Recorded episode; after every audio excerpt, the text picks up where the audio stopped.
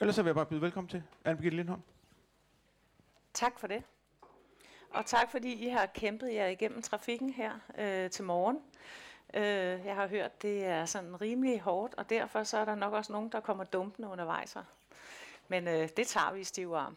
Og øh, også øh, hej til alle jer derude, øh, som måske ikke har været igennem trafikken, men øh, sidder derhjemme øh, og følger med her, eller inde på jeres arbejdsplads. Øh, det vi skal snakke om i dag, det er øh, ledelse gennem andre i en mangfoldig verden i rivende udvikling. Og det er jo en rigtig, rigtig bred titel, som man næsten kan lægge hvad som helst ind i. Øh, så nu øh, får I så et bud på, hvad, hvad jeg tænker øh, er relevant under denne her titel. Øh, blandt andet med udgangspunkt i nogle af de ting, som, øh, som jeg også øh, arbejder med her hos øh, Ledernes øh, Kompetencecenter. Øh, jeg, øh, jeg læste en artikel i går, øh, hvor der var en retoriker, som sagde, øh, åh, hvor jeg dog hader de der, øh, en, det her oplæg, hvor man starter med at sige, jamen inden jeg går i gang, så vil jeg lige fortælle jer lidt om mig selv. Fordi altså, du er jo i gang. Der er ikke noget, der hedder, inden jeg går i gang. I det sekund, du tager ord, så er du jo i gang. Øhm, så jeg vil ikke fortælle så voldsomt meget om mig selv, andet end hvad der står heroppe på tavlen. Og noget af det, som øh, jeg særligt vil trække frem, det er, at selvfølgelig jeg underviser her hos Lederens Kompetencecenter, men jeg har også en del ledelseserfaring selv med bagagen øh, fra mit tidligere liv, før jeg blev selvstændig for, for otte år siden. Og, øh, og det, som jeg ser som en kæmpe stor fordel for mig, når jeg møder alle de ledere, som, øh, som jeg møder på forskellige kurser, det er, at øh, jeg ved godt, at der ikke er noget med to streger under. Det er rigtig udfordrende at være leder. Det er spændende, det er udviklende, øh, og det stiller nogle krav til, at man er åben, og man er lyttende, og alt muligt andet, men der er ikke nogen nemme løsninger. Øh, der er ikke sådan, at man kan sige, jamen øh, nu øh, får I så de her 10 værktøjer, og så er I klædt på til enhver situation. Fordi vi er jo heldigvis rigtig, rigtig forskellige. Og det, der egentlig er vores opgaver som leder, det er faktisk at, øh, at have øje for den forskellighed, så vi også får den brugt. Øh, og ikke komme til at øh, have sådan en særlig forkærlighed for nogle bestemte ting, sådan så vi overser noget andet. Så det der med at være åben og lyttende og nysgerrig på andre mennesker, det er sådan en rigtig grundlæggende forudsætning for øh, at fungere som leder. Og også det at have en rummelighed over for andre mennesker, som har en anden tilgang til kommunikation og til adfærd og alt muligt andet øh, på en arbejdsplads. Øh, fordi hvis ikke vi har den rummelighed, så kan det være, at vi går glip af en hel masse. Så, så det er jeg rigtig glad for, at jeg har med mig det her med at have mødt så utrolig mange forskellige medarbejdere og blive udfordret selv. Guderne skal vide, at jeg har begået masser af fejl som leder, og det er jo tit de fejl, man begår, som man bliver allerklogest af.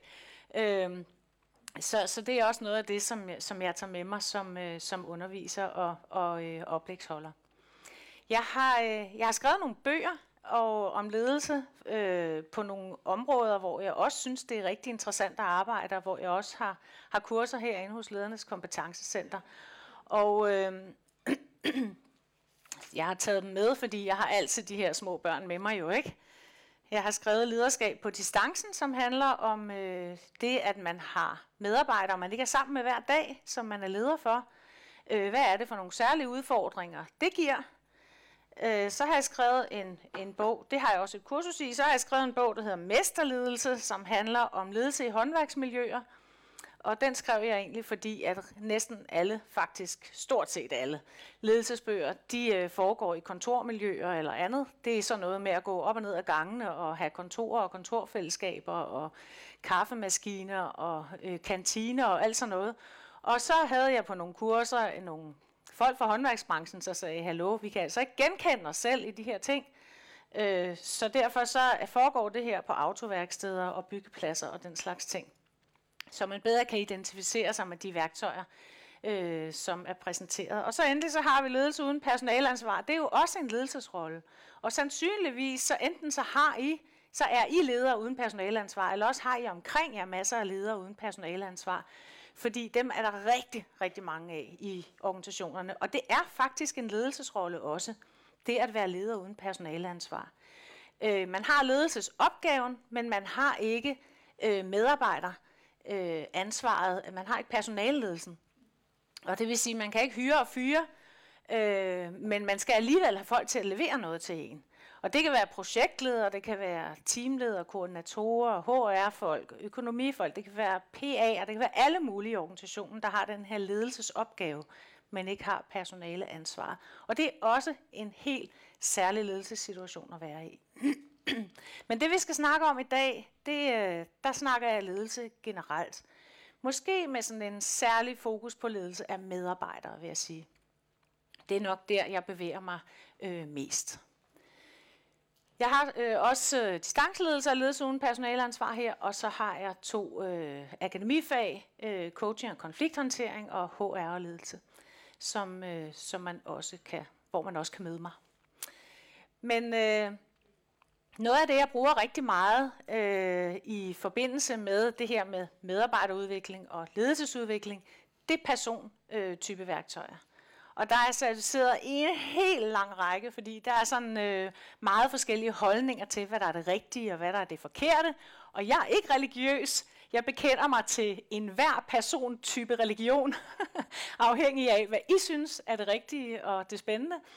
Øhm, det kan være, at det er whole brain, som bygger på hjerneforskning. Det kan være, at det er Jungs typeindeks eller Myers-Briggs typeindeks, som bygger på Carl Gustav Jungs øh, persontypologi. Det kan være, at det er fokusprofilen, som jeg er med her i dag fra Garuda, eller DISK, øh, som er en adfærdsprofil. Øh, profil. det kan være rigtig, rigtig mange forskellige. Øhm, øhm, men det, der er det væsentlige, det er, at øh, jeg oplever så noget som persontypeværktøjer som noget, som virkelig kan bibringe noget til vores forståelse og vores rummelighed og vores evne til at aflæse hinanden, så vi kan få mest muligt ud af hinanden. Fordi det her med, at øh, noget helt grundlæggende, når vi er på en arbejdsplads, øh, som vi kan nogen, der nogle gange kan spænde ben for os, det er det her med, at vi har vores egen øh, virkelighedsopfattelse på, øh, som vi ser hele verden igennem hele tiden, og prøver at trække ned over alle andre. Øh, og det gør jo så, at vi bliver sådan lidt blinde på nogle ting. Så det at arbejde med persontypeværktøjer, det er noget af det, som kan gøre, at man opdager nogle ressourcer hos hinanden, som man måske slet ikke har brugt tidligere. Og det kan også være, at man finder ud af, at de der ting, som man synes er vanvittigt irriterende ved nogle af de andre, øh, hvorfor skal de være sådan nogle flugknæpper på det der med stavningen, og hvorfor skal det ene og det andet og tredje? Jamen det er faktisk, fordi det er noget, som de synes er rigtig, rigtig vigtigt, og som de får en masse energi af at gøre. Så det vil sige, jamen hvad nu, hvis jeg, som synes, det er nogle opgaver, som jeg virkelig skal tage mig sammen til at skrive min kalender, så hvad nu hvis jeg udnytter det hos de andre, at de rent faktisk synes, det her det er interessant, og de får noget energi af at løse de opgaver, jamen så kan vi få alt i alt mere ud af den energi, vi lægger på vores arbejde, hvis vi, øh, hvis vi øh, er gode til at spotte sådan nogle ting hos hinanden. Og det er noget af det, som persontypeværktøjer kan gøre, det er at sætte spot på, hvad er det egentlig, der tager din energi, og hvad er det, du får energi af? Og hvordan kan vi bedst muligt sørge for, at vi er mega energifyldte hver eneste dag, når vi er på arbejde, øh, ved netop at ramme ind i de områder, som vi synes er spændende. øh, det var sådan lige en kort indledning og en argumentation for, hvorfor jeg har valgt i dag at præsentere jer også for fokusprofilen som, øh, som en af de ting, som, som øh, vi skal igennem. Hvis vi ser på, på en organisation, jamen så er der øh, en tilgang til, til det her med ledelseslag, som hedder Leadership Pipeline, som handler rigtig meget om, at i en organisation er det rigtig vigtigt, at man hele tiden har et fokus på, at, at ledelseshierarkiet, øh, der skal man have sådan en fødekanal til, at man hele tiden har nogle folk, som kan udfylde de pladser, som, øh, som vi har behov for i ledelseshierarki at øh, vi har nogle forskellige niveauer, som skal arbejde sammen, og det er rigtig vigtigt, at vi i en samlet ledelse, uanset hvilket niveau vi befinder os på i ledelseshierarkiet, at vi har et fælles ledelsessprog, at vi har nogle fælles ledelsesværdier, en eller anden form for fælles ledelsesgrundlag. Fordi det er det, som giver den bedste mulighed for at have gennemslagskraft som ledelse og have mulighed for at styre vores organisation. Og det kræver altså, at vi er opmærksomme på, hvad er det egentlig for en, øh, en ledelsesstruktur, vi har netop hos os, og hvad er det, de, der er ansvaret øh, i de forskellige ledelseslag i vores organisation. Nu har jeg sat en kilde på deroppe, som er Torkel Molly Søholm og Christian Dahl. Det er nogle af dem, der senest har udgivet øh, noget litteratur omkring det her, forsket det her. Men det er sådan meget om den offentlige øh, leadership pipeline. Og for god ordens skyld, så har jeg lige sat den oprindelige kilde på også her, øh, som, som er øh, Karen eller Sharon Trotter og Noel øh, i forhold til det her med leadership pipeline, som også som er sådan generelt i organisationer. Men det, som det handler om, det er, at vi har en medarbejder, som har til opgave at gennem sin egen indsats at skabe nogle resultater for organisationen. Så har vi så nogle ledere af medarbejdere, som skal øh, arbejde med at få medarbejderne til at trække nogenlunde i den samme retning. De skal skabe nogle resultater gennem de, øh, det, det, som øh, medarbejderne de præsterer hver eneste dag. Vi har nogle øh, ledere af ledere, som øh, der bevæger man sig længere væk fra de daglige, den daglige drift, de daglige driftsopgaver, fordi nu skal vi have nogle ledere til at øh, trække i en bestemt retning. Og noget af det, som jeg selv har oplevet ved at, at være leder af ledere, det er, at øh, man øh, begynder at have også nogle udfordringer med at få sat det rigtige team. At øh, sørge for, at man ikke har en, en flok ledere i en, i en øh, ledergruppe, som superoptimerer på hver deres enkelte områder, som føler sig som bannerfører for, at der er i hvert fald ikke nogen, der skal tage ressourcer fra os, øh, men at, at tænke hele tiden i organisationen som den højeste kontekst, og det er noget af det, der er rigtig vigtigt som helt grundlæggende øh, øh, ledelsesværdi i en organisation, det er det her med hele tiden at tænke på organisationen som den højeste kontekst. Fordi det betyder jo så, at det kan godt være en gang imellem, når man er leder af leder, at man skal argumentere for, at der skal flyttes nogle ressourcer fra et område til et andet, og det er noget af det, man kan møde rigtig meget modstand omkring, når man, når man er leder af ledere. Men det er også noget af det, som er ens opgave. Og så har vi, afhængig af selvfølgelig, hvad det er for en organisation, øh, flere ledelseslag, den funktionelle chef, som måske er en, en lidt større del af organisationen, og så selvfølgelig øh, en, top, en topledelse. Øh, noget af det, som er vigtigt at være opmærksom på, det er, at hver gang vi skifter, øh, hvis, hvis vi som, som, øh, som ledere stiger opad i organisationen, jamen så sker, der, så sker der en transition. Altså så skal vi forandre vores tilgang til ledelse, hver gang vi ændrer øh, vores, øh, vores niveau i organisationen. Det er ikke det samme at være leder og leder, som det er at være leder og medarbejder. Man skal ind og have nogle andre prioriteter, man skal ind og have et andet overblik, man skal ind og have et andet fremtidsperspektiv måske også. Øh, så det betyder, at vi skal have, det er nogle andre ting, vi skal bruge ved os selv som ledere. Og det er vigtigt også at være opmærksom på det her med, at, at der er nogle ting, der skal tillæres, når man ændrer niveauet, hvis man selv flytter sig som leder i en organisation. Og der er nogle ting, der skal aflæres. Der er nogle ting, vi skal holde op med. Det er vi rigtig opmærksomme på, hvis det er en medarbejder, som bliver udnævnt til leder. Så er man godt klar over, at det der med at træde fra medarbejderrollen og ind og blive leder, måske ovenikøbet for nogle tidligere kolleger, det kræver, at man aflærer måske sin specialistrolle og det at gå ind i opgaverne og løse opgaver selv, og tillære sig det at fungere som sparringspartner, som coach osv. For, for, øh, for ens kolleger. Så er vi helt bevidste om, at der er nogle ting, der skal tillæres, og nogle ting, der skal aflæres. Det er ikke altid, der er det samme fokus, øh, når man bevæger sig fra at være leder af medarbejdere til leder af ledere, eller højere op i organisationen, at der er faktisk også der nogle, nogle nye kompetencer, man skal tillære sig, og nogle andre ting, som man skal aflære sig i sin ledelsesadfærd. Det, kræver, det, øh, det gælder også, hvis man bevæger sig den anden øh, vej i organisationen. Og det er noget af det, som måske er endnu sværere i virkeligheden i en organisation, det er det der med at have et ønske om at træde nedad i hierarkiet.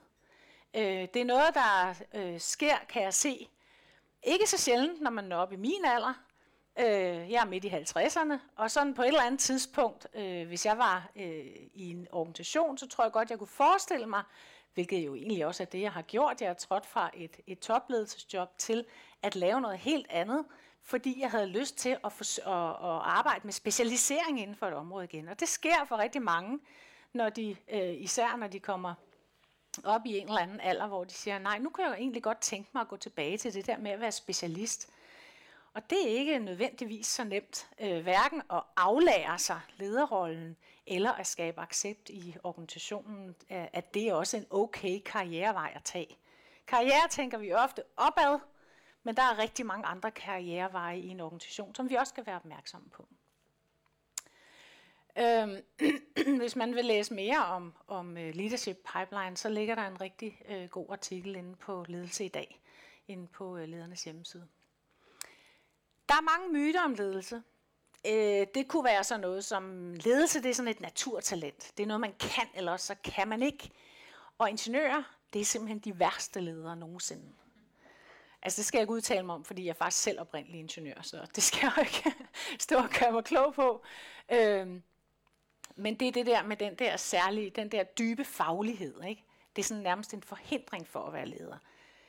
Rigtige ledere, det er sådan nogle karismatiske, store personligheder, heroiske, som skaber store resultater og, og, øh, og forandringer.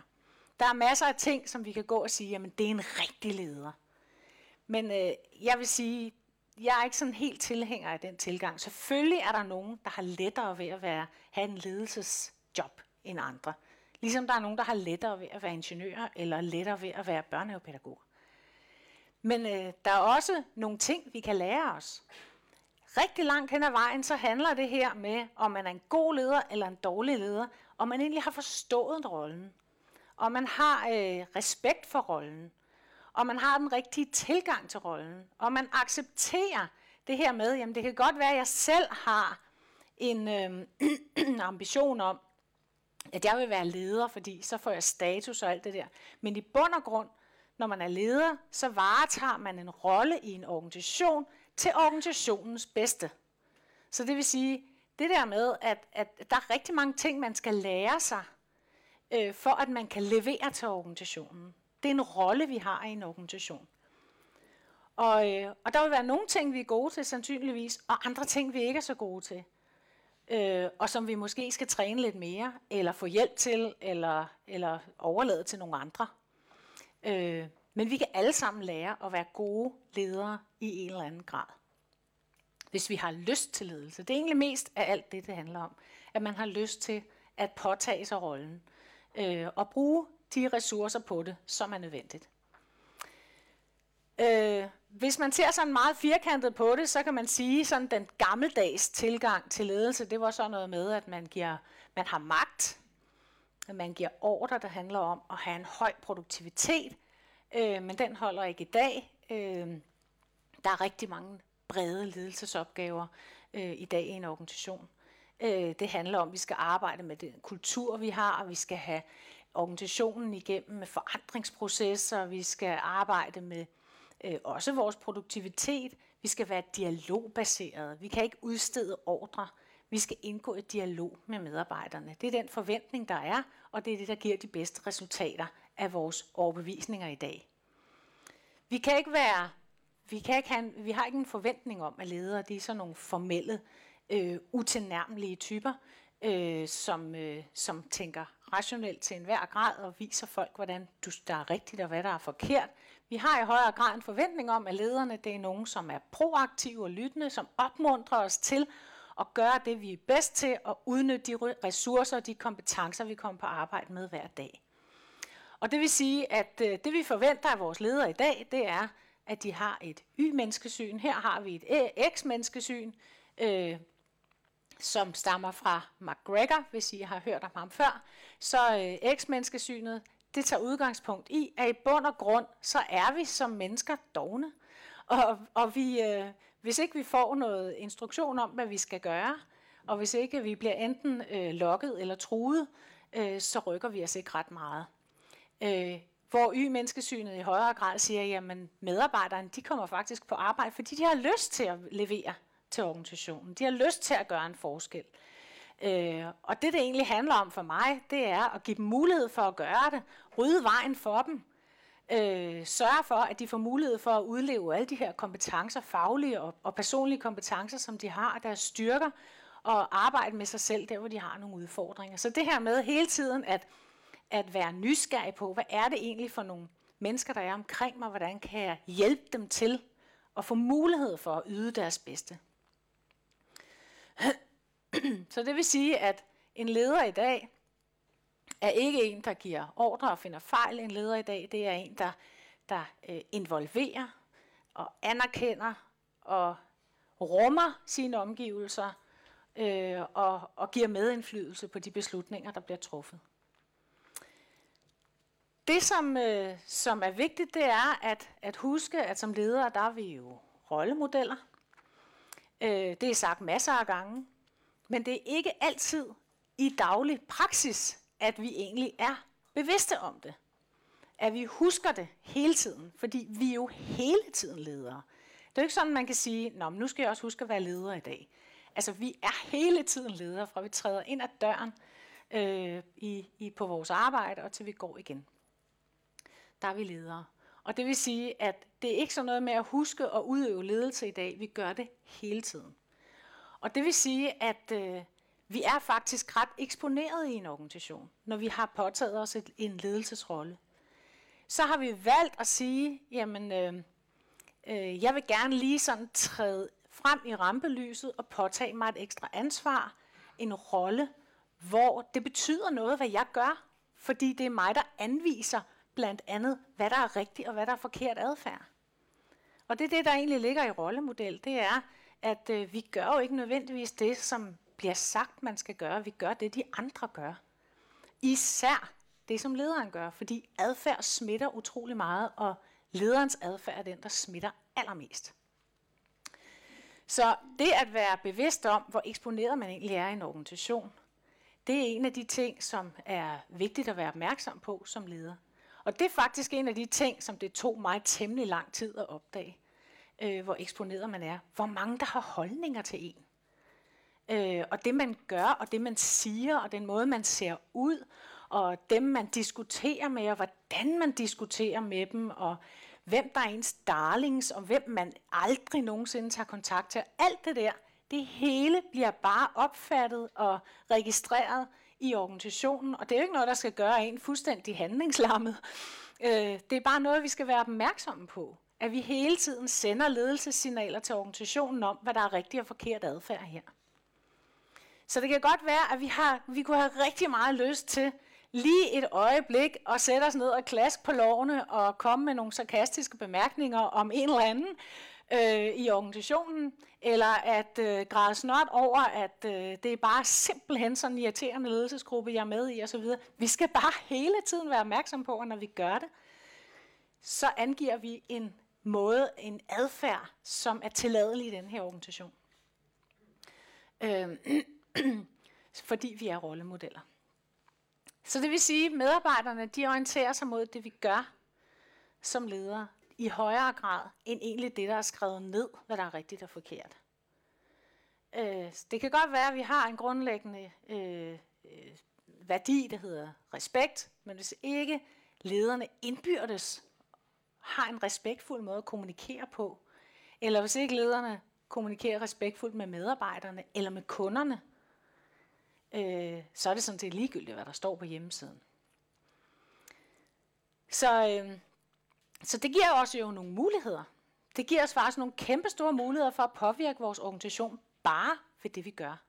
Bare ved det, vi siger, og den måde, vi siger det på. Så, så det vil sige, at som leder, der skal vi i meget høj grad fortælle, hvad er det, der er rigtig og forkert adfærd, og hvor er det, vi er på vej hen, gennem den adfærd, vi selv har, og gennem de prioriteringer, vi selv foretager øh, i vores ledelsesgærning. Det er den måde, vi viser det først og fremmest. Og det der med, at vi orienterer os mod øh, ledernes handlinger, det handler blandt andet om noget, som er rigtig meget op i tiden. Det her med, at vi interesserer os rigtig meget for hjernen. Jeg var lige på bogmesse her i, i weekenden. Det er jo ufatteligt, hvad der findes af bøger om hjerneforskning, som er tilgængelig for øh, os alle sammen, og skrevet et sprog, som vi alle sammen forstår. Det er jo mega interessant, at, øh, at det også er blevet en af de øh, forskningsretninger, som vi andre kan tillade os at interessere os for, fordi det er skrevet, så vi forstår det. Og en af de øh, bøger, som jeg har været læst med meget stor glæde, det er øh, Kahnemans øh, At tænke hurtigt og langsomt. Øh, hvis I skal læse en bog om hjerneledelse, så vil jeg sige, at den er altså den er sjov. Eller i det hele taget, hvordan hjernen den fungerer. Og den er bundsolid, fordi det altså er altså en mand, der har forsket det her i rigtig mange år, og meget anerkendt. Det, som han siger, øh, som måske kommer som en stor overraskelse, det er, at vi er faktisk ikke rationelle. Vi går og tror, at vi kan tænke os frem til en utrolig masse ting, og det er vores hjerne, der styrer os i det daglige. Men det er det desværre ikke. Altså hvis vi ser på, på vores, øh, vores adfærd som en elefant med en rytter, så er elefanten vores automatiske adfærd, det som han også kalder for system 1, fordi det er det, der fylder så absolut mest i det, vi går og gør til daglig. Øh, og så er øh, den lille rytter deroppe med sin øh, styrepind der, det er det rationelle, som han også kalder for system 2. Øh, og det, det der er, øh, det, er det, det, og det er det ubevidste, altså det bevidste og det ubevidste i mennesker, altså den automatiske adfærd i forhold til den bevidste, rationelle, valgte adfærd.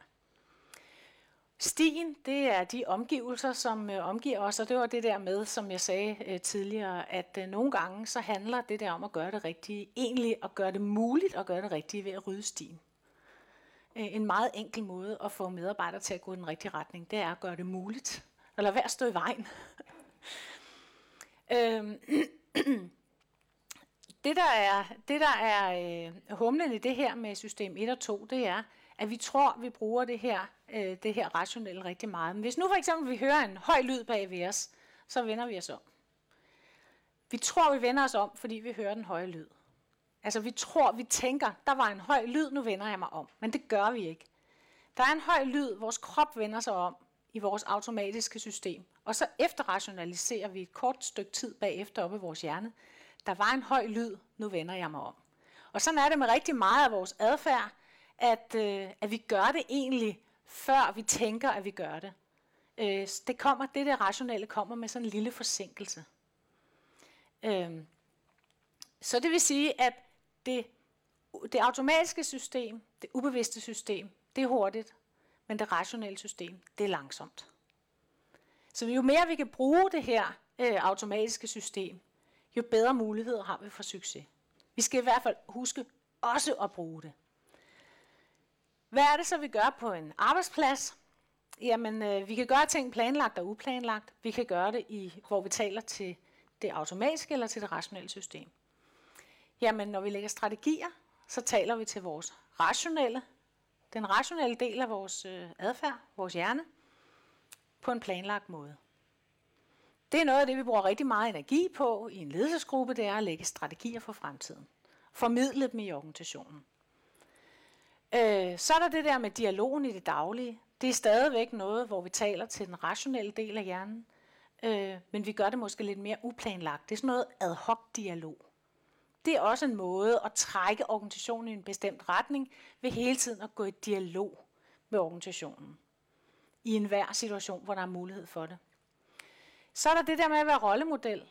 Det ligger i virkeligheden over i, i det automatiske system på en uplanlagt måde. Det er det der med hele tiden at huske, at mine omgivelser lægger mærke til, hvad jeg gør, øh, og kopierer det. Min adfærd smitter. Så derfor, når jeg er rollemodel, så kan det godt være, at jeg er i den bevidste del af min hjerne, fordi jeg hele tiden skal huske mig selv på, at, øh, at min adfærd smitter. Men jeg smitter den ubevidste adfærd hos mine omgivelser. Og så er der det, som er det, det øh, automatiske system på en planlagt måde, som vi kalder for nudging. Altså der, hvor vi går hen og tilrettelægger noget, og tænker i ubevidst adfærd, og siger, hvordan kan jeg udnytte, at, øh, at vi har den her ubevidste adfærd? Hvordan kan jeg rydde stien på en måde, så jeg trækker automatisk, så går folk i den retning, som jeg havde tænkt mig? Det er nudgingen. Og øh, hvis vi tager sådan et øh, eksempel som, øh, som videndeling.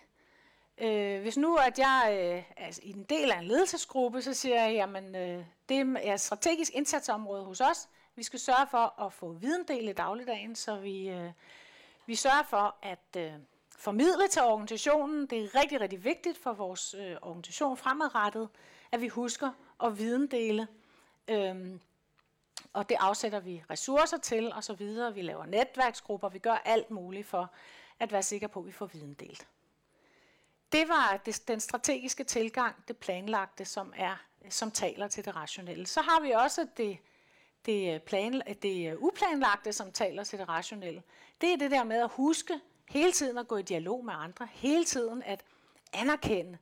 Der skete en videndeling her, i er gode til at videndele. Super godt, at øh, I mødtes og selv tog initiativ til at mødes på tværs af faglighed, eller hvad det måtte være, som vi konstaterer i vores dagligdag, som vi interesserer os for, nysgerrige over, for at spørge ind til at anerkender øh, i dagligdagen, at øh, vores omgivelser gør.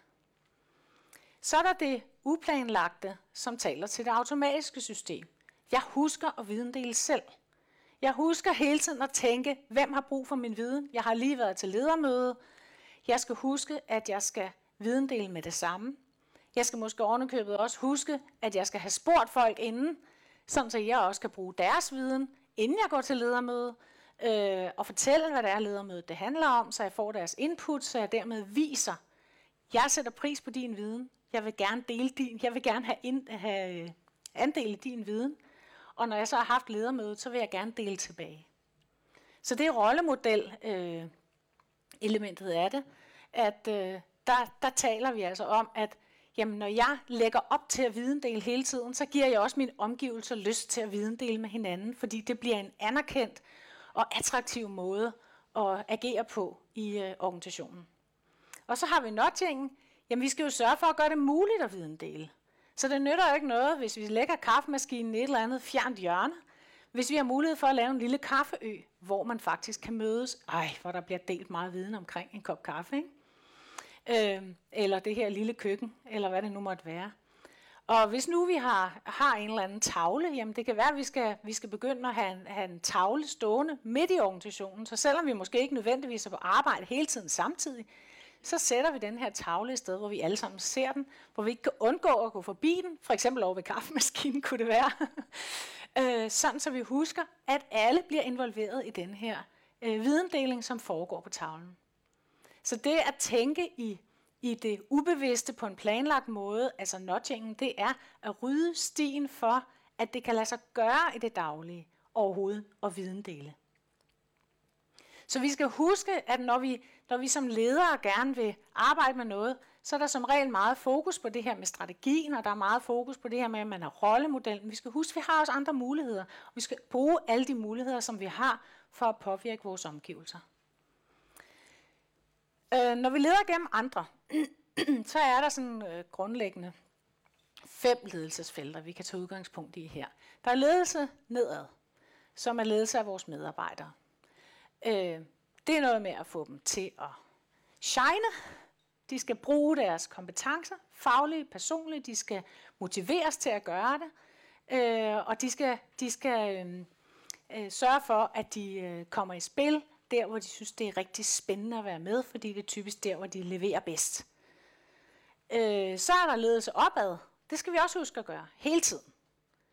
Det oplever jeg også, at der er nogle ledere, øh, som, jeg, som jeg møder på, på mine kurser, som, som ikke nødvendigvis har så meget fokus på. Og det er noget af det, jeg er blevet bevidst om selv, at jeg egentlig har haft meget fokus på øh, i dele af min øh, ledelseskarriere. Det der med at være opmærksom på, hvad er det egentlig, min leder har brug for? Hvad er det for nogle, hvor er det min leder øh, er med i nogle beslutningsfora, hvor jeg kan se, at den viden, som jeg har, øh, den kan faktisk bibringe noget til, øh, til de beslutninger, der bliver truffet. Og måske oven købet kan jeg være med til at påvirke øh, nogle beslutninger i en retning, som jeg ønsker. Så jeg kan måske have en, en øh, endnu større indflydelse på min organisation, på nogle andre ledelseslag, i nogle andre ledelsesforer, end jeg selv befinder mig, ved at stille mig til rådighed, ved at tilbyde mig, ved at være aktiv, proaktiv opad til, øh, og, og tilbyde min, min, øh, mit input øh, i, i ledelsessystemerne. Øh, Så hvordan kan jeg øh, lede opad sammen med min leder? Hvordan kan jeg spille min leder god? Så er der ledelse fremad hele tiden at have fokus på, det kan godt være, at vi er her nu, men jeg skal hele tiden være opmærksom på, hvad det er, der sker ude i omverdenen, hvad det er, der sker internt fremadrettet. Jeg skal hele tiden være opmærksom på, øh, har, er der de personaleressourcer, de medarbejderressourcer til rådighed fremadrettet, som vi har brug for? Skal jeg ind og foretage nogle omstillinger allerede nu, øh, som forbereder mig på den øh, fremtid, der kommer? Øh, det kan være, at jeg skal øh, sørge for allerede nu at få læst en bog om digitale indfødte, eller, eller noget andet, som forbereder mig på, at de er på vej ind på arbejdsmarkedet, og faktisk allerede fylder en hel del, og kommer til at fylde meget, meget mere. Altså det hele tiden at være opmærksom på, at, øh, at, at øh, lede fremad øh, i forhold til de målsætninger, som vi har. Så er der ledelse udad. Vi skal være opmærksom på vores kunder, øh, vores... Øh, vores aftagere øh, af ydelserne i sidste ende. Altså, vi skal være opmærksom på, hvad er det egentlig, de har brug for. Øh, og det kommer til at betyde mere og, og mere, det her med at, være, at have fornemmelsen for, hvad er det egentlig for nogle, for nogle aftagere, vi har i den sidste ende, fordi vi som aftagere bliver mere og mere krævende omkring, at vi forventer, at vi får præcis det, som jeg som individ har brug for. Vi får større og større forventning om, at vi får individuelle løsninger. Så vi skal være meget opmærksomme på også, hvad er det egentlig for nogle kunder, der sidder derude i den anden ende. Uanset om det er kunder, eller det er borgere, eller det er aftager, eller hvad det er, der sidder øh, ude for enden øh, hos jer. og så er der ledelse indad. Hvordan bruger jeg mig selv bedst muligt? Hvor er det, jeg skal bevidstgøre mig selv for at blive den bedste leder, som den person, jeg nu er. Hvor skal jeg være særligt opmærksom? Og det der med ledelse indad, det er jo altså det, hvor vi har nogle handlemuligheder selv. Øh, og det vil jeg prøve at kigge lidt nærmere på nu. Øh, ledelse indad, det er noget med at øh, arbejde med vores øh, selvindsigt. Det kan vi gøre på rigtig mange måder. Vi kan bruge persontypeprofiler, som jeg var inde på, og vi kan spørge andre. Vi kan søge viden omkring os selv ved at spørge, hvordan andre oplever en. Øh, vi kan arbejde med øh, at bevidstgøre os omkring, hvad er det egentlig for nogle øh, værdier, jeg har, som påvirker min adfærd? Hvad er det for nogle overbevisninger, jeg har omkring mig selv, omkring andre mennesker, som påvirker min adfærd osv.? Altså at arbejde med sig selv, fordi jo bedre indsigt vi har i os selv, jo bedre bliver vi til at skrue op og ned for det, der virker bedst. Hvis ikke, det kan godt være, at jeg siger øh, til mig selv, jeg er en hisseprop, sådan er jeg, jeg er bare færdig, det må jeg bare leve med. Altså. Og så må alle omgivelserne, de må vende sig til, at jeg er en hisseprop, og øh, når der så kommer nye medarbejdere, så siger jeg, at du skal lige være opmærksom på, at øh, hun er altså en hisseprop. Og det er sikkert også fint nok, men det er bare ikke sikkert, det er det mest effektive. Det kunne også være, at jeg skulle have den selvindsigt, at hvorfor er det, jeg er en hisseprop? Hvad er det for nogle knapper, der bliver trykket på mig, som jeg tænder af på? Hvad ville måske være mere hensigtsmæssigt, at jeg gjorde i de situationer? Var der noget, kunne jeg gøre et eller andet, så jeg fik lidt mere ud af de situationer, end bare at lade mig rulle med på den der følelse? Så det at arbejde med sin selvindsigt, det er i virkeligheden også noget med, at du ser sig selv på en mere bevidst måde.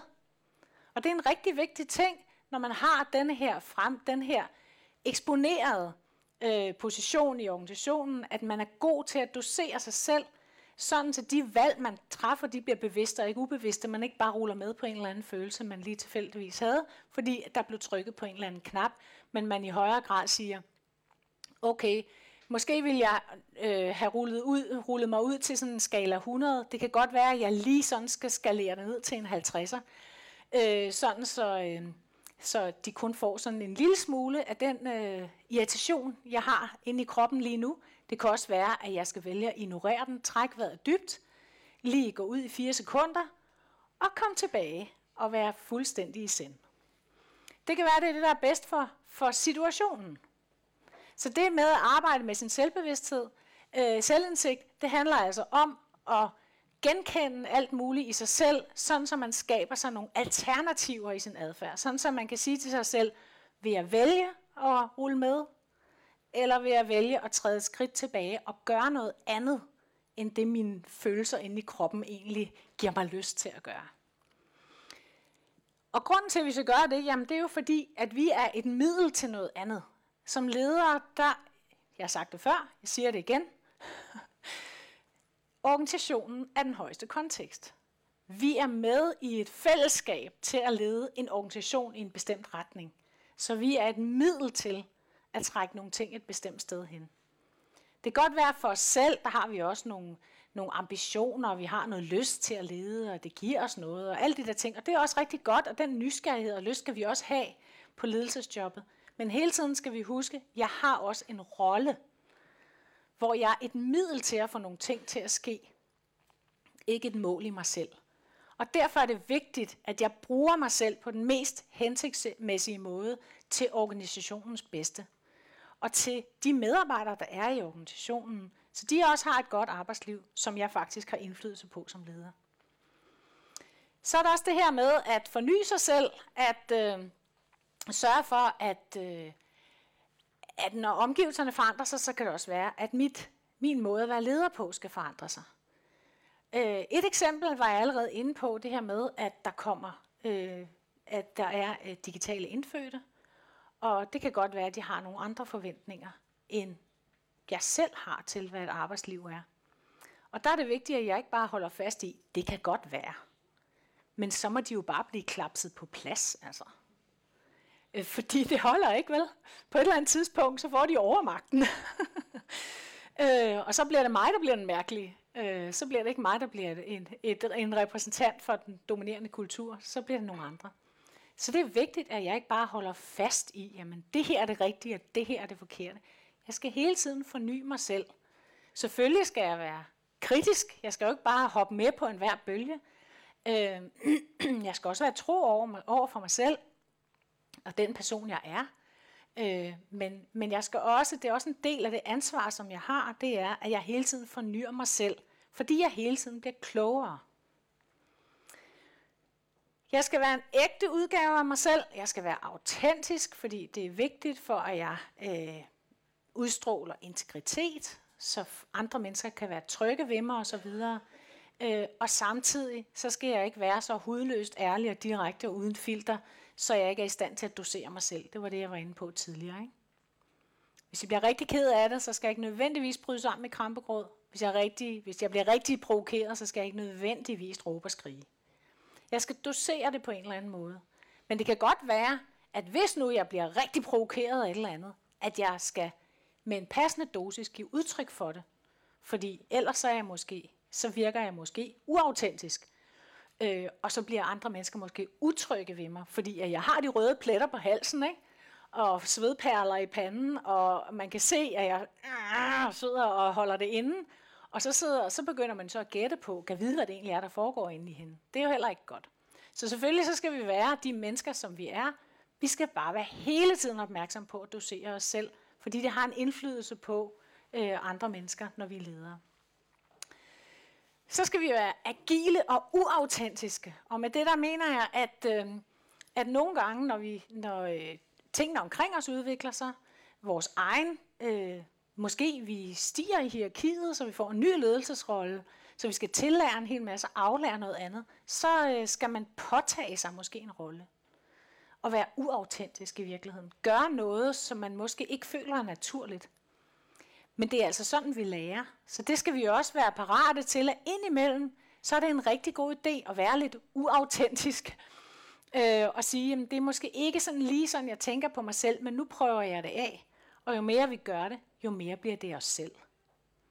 Så det vil sige, at, øh, at det der med, hvad der er ægte og hvad der ikke er ægte, det skal vi huske, at det er alt sammen noget, vi har lært på et eller andet tidspunkt. Så vi kan også lære noget andet, hvis vi i øvrigt øh, føler os komfortable ved det. Så, øh, så hele tiden at være klar til at forandre os. Når, øh, når jeg øh, står foran sådan en flok ledere, som kommer på et lederkursus, og siger Nå, nu vil vi godt have fyldt værktøjsbæltet op med værktøjer til enhver situation. Fyr løs. Jeg er klar til at modtage. Øh, så må jeg jo så desværre skuffe og sige, nej, her bliver du ikke klædt på til ledelse, her bliver du klædt af til ledelse.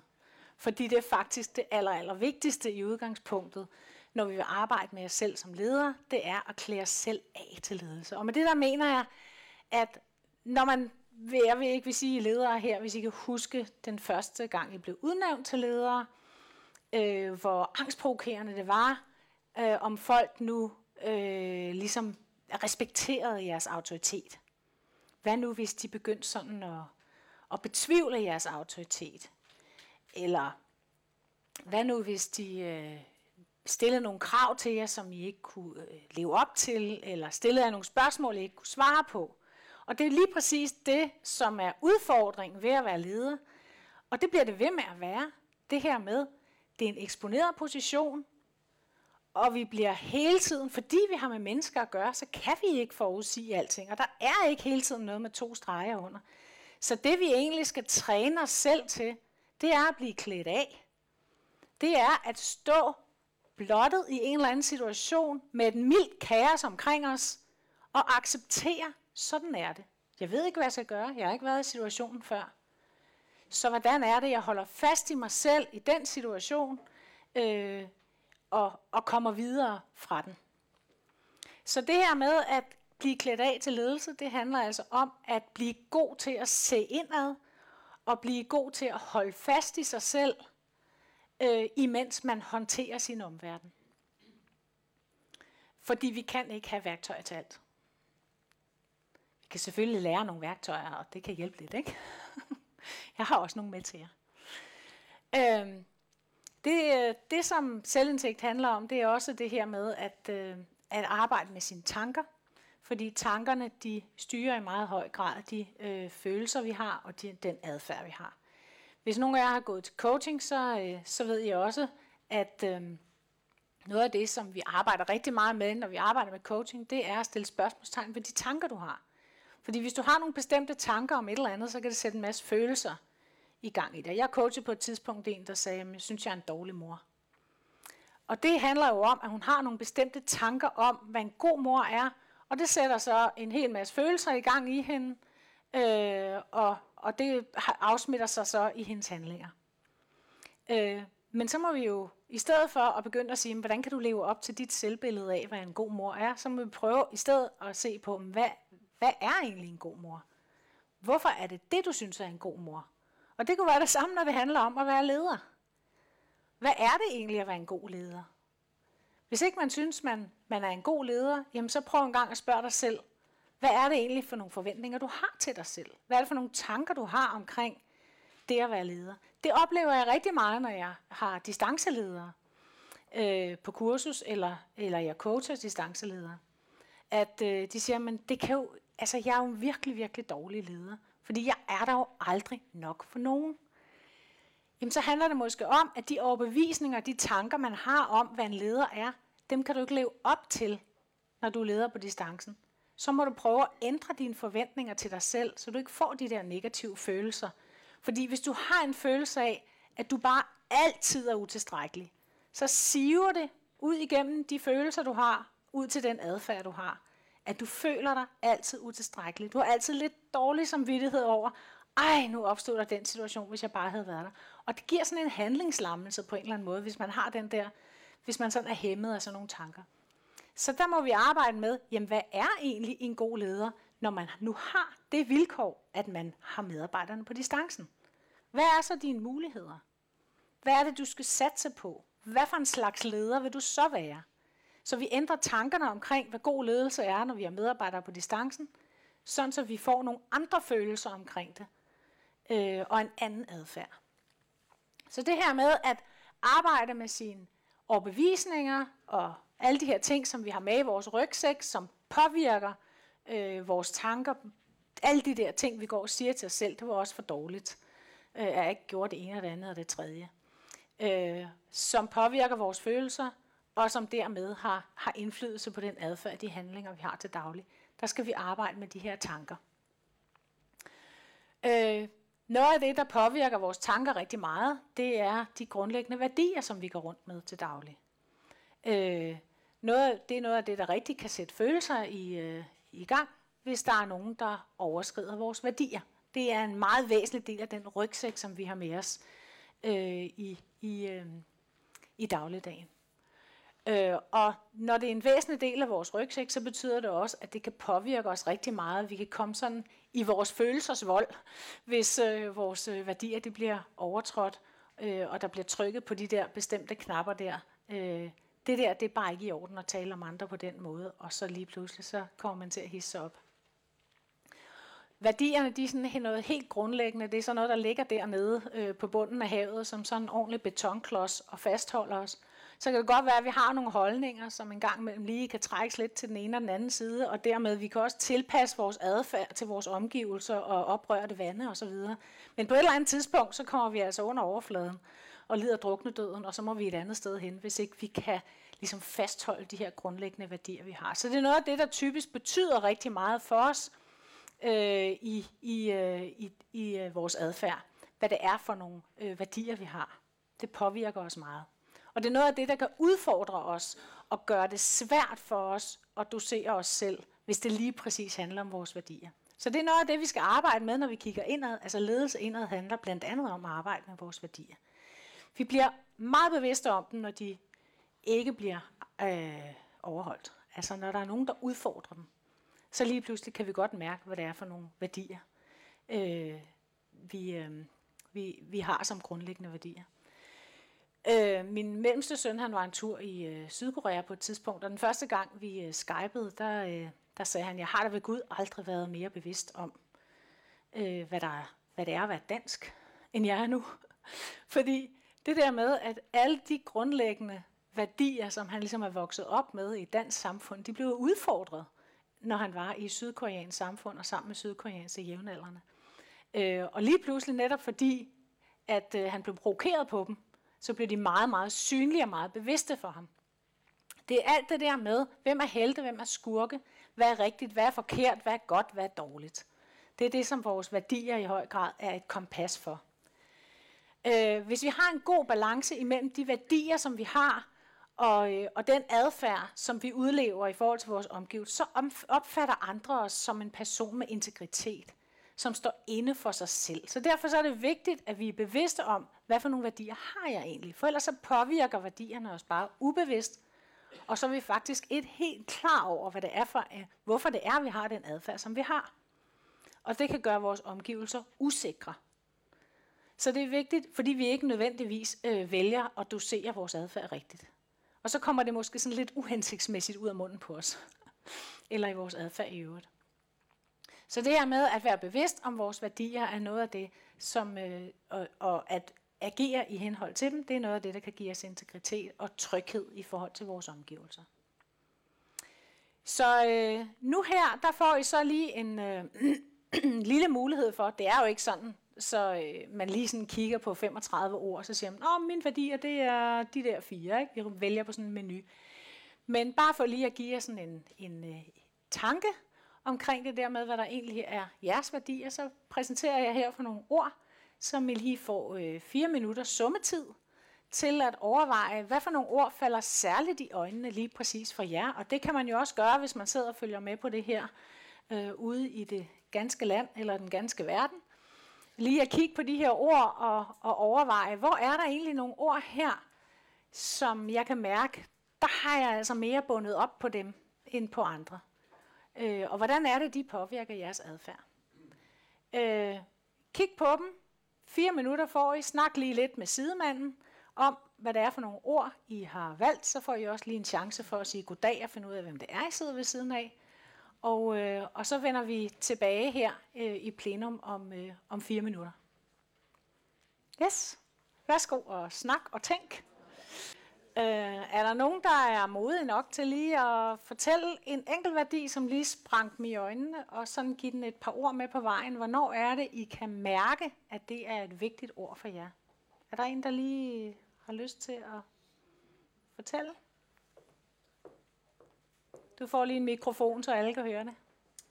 Altså min første værdi, det er retfærdighed. Ja. Og det er en, jeg ved, at jeg mit... Øh temperament eller sådan følelser kommer op i, hvis jeg føler, at folk ikke bliver retfærdigt behandlet. Mm. Så det er helt sikkert en af mine værdier. Ja, hvad gør du så? Jamen, jeg forsøger jo på at, øh, selvfølgelig at, der er jo forskellige former for, hvem, hvad folk synes er retfærdigt. Så jeg forsøger jo at udtrykke min mening om, hvad jeg synes, at, øh, at min retfærdighed går på, at jeg synes, at der bør ske det eller det i situationen. Mm. Og retfærdighed går på mennesker hos mig. Ja. Retfærdighed er et ord, der er rigtig, rigtig mange følelser i. Fordi hvis der er noget, der er uretfærdigt, så ved vi godt, hvor meget vi selv... Det er jo så bare meget forskelligt, hvad vi oplever som uretfærdigt. Ja. Som netop du siger, det har noget med mennesker at gøre. Ikke? Hvis man øh, arbejder med, det ved jeg ikke om der er nogen af jer, der gør, hvis I arbejder med social kapital, altså sammenhængskraften i organisationen, så er retfærdighed jo en rigtig, rigtig grundlæggende dimension i den sociale kapital. Og det har blandt andet noget at gøre med, at hvis der er noget, der kan splitte en organisation, så er det oplevelsen af uretfærdighed. Og det oplever vi rigtig, rigtig, øh, i rigtig mange situationer. Det kan være, hvis øh, der sker nogle fusioner, og der er en kultur, der vinder over den anden kultur, så kan man blive, øh, så kan man, det kan være rigtig vanskeligt at opleve som rigtig uretfærdigt. Øh, det kan være, hvis man har bonussystemer, som man synes belønner nogle bestemte, så kan det også opleves meget uretfærdigt, og det kan påvirke ens evne til at arbejde sammen, fordi, nå ja, men altså, hvorfor skulle jeg arbejde mere for, at han kan få en ny bil? Det kan jeg ikke se nogen grund til. Øhm, det kan også være sådan noget som status i organisationen.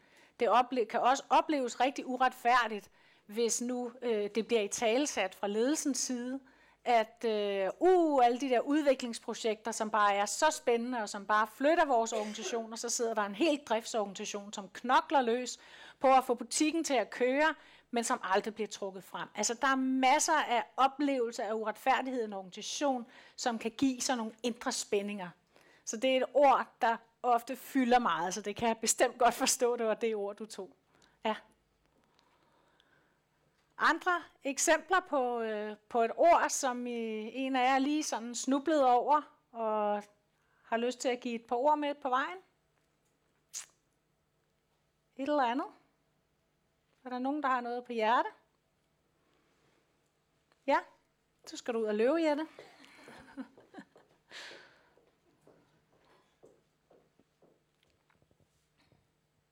Ja, øhm, jeg tog eller, øh, ordet samhørighed, Ja. øh, fordi at, øh, jeg synes, det er lidt vigtigt, at de strategier, man har, og, og den adfærd, man har på en arbejdsplads, de, de øh, giver et, et, et fælles grundlag, så alle kan se sig selv i det, og har lyst til at være en del af det. Øhm, og det skal man arbejde på, for samhørighed kommer ikke bare af sig selv. Der er masser af arbejdspladser, der er mester i at lave siloer. Øh, øh, og det, derfor skal man prøve at arbejde aktivt på at få åbnet de der siloer op, når noget er svært. Mm. Ja, så samhørighed, det tænker du i virkeligheden også både smalt og bredt i en organisation. Ja. Altså også på tværs af, af arbejdsområder. Ja. Ja. øhm, og igen faktisk, så øh, det kan være det, fordi jeg lige har tænkt øh, social kapital, så tænker jeg det igen. Fordi det er jo også noget af det, som, som virkelig styrker en organisations evne til at levere fælles resultater og arbejde sammen omkring deres kerneopgaver. Det er netop det her med, at man føler en samhørighed, man føler, at man leverer ind til det samme. At det ikke er sådan en intern kamp imellem alle de her siloer, som du nævner, men det rent faktisk er, at man har et fælles mål og en fælles øverste kontekst. Og det er i meget, meget høj grad noget af det, som bliver udtrykt gennem ledelsens retorik. Hvad er det for nogle ord, vi vælger? Hvad er det for nogle øh, resultater, vi trækker frem? Er det sådan, så vi, øh, vi trækker en eller anden, et eller andet forretningsområde frem, som bare har haft mega succes, øh, men som faktisk ikke kunne have gjort det, uden at man havde haft hele den her samhørighed på kryds og tværs. Sådan her. Der er også noget retfærdighed i det, ikke? At, øh, at øh, samhørigheden, det handler om at have den der indre sammenhængskraft, som man leverer ind til det samme. Så man ikke tænker i selvoptimering og suboptimering, men i fællesoptimering. Ja. Også et rigtig godt grundlæggende ord. Altså, der er de her ord, som jeg har smidt op her, de trækker jo i alle mulige forskellige retninger, og der er nogen, der sådan er overbegreber, øh, som vi alle sammen kan blive enige om. Altså, hvem vil ikke gerne have respekt øh, og tillid som grundlæggende, jeg har lidt med stemme, grundlæggende værdier i dag. Det, det vil vi alle sammen gerne, ikke? Og så er der en hel masse, som måske mere er sådan specifikke for nogle af de områder, som, som, vi, øh, som repræsenterer det, som vi lige sidder og laver. Men øh, så noget som værdier, det kan vi arbejde med individuelt. Altså det at finde ud af, hvad er det, der betyder noget lige præcis for mig? Hvad er det, der kan udfordre mig og min evne til at øh, dosere mig selv, øh, fordi det er en vigtig værdi for mig. Og det er også noget af det, som vi kan være opmærksom på, når vi oplever andres adfærd. At nogle gange kan vi blive overrasket over nogle reaktioner på noget. At så kan det være, at man lige er kommet til at træde i et eller andet, som man skal være lidt nysgerrig på. Øh, som leder, hvis der kommer en reaktion i ens omgivelser, så kan det være, at man på en eller anden måde har fået trådt på nogens værdier. Så vi skal hele tiden være nysgerrige på, både hvad det er for nogle værdiord, vi, øh, vi øh, identificerer os med, men også selvfølgelig, hvad det er for en fortolkning, vi lægger ned i de ord. Øh, jeg var øh, for ikke så længe siden, så var jeg øh, facilitator på sådan en værdiproces i en organisation, som, øh, som egentlig var ret gode til at finde nogle ord, men det store arbejde, det kommer jo så med at finde ud af, hvad er det så, vi lægger i de ord, og hvordan skal de påvirke de handlinger, vi tager, vi har i dagligdagen, og de beslutninger, vi tager, de prioriteringer, vi har. Øh, fordi det er der arbejdet starter egentlig. Det er at, at, øh, at få dem til at blive til virkelighed.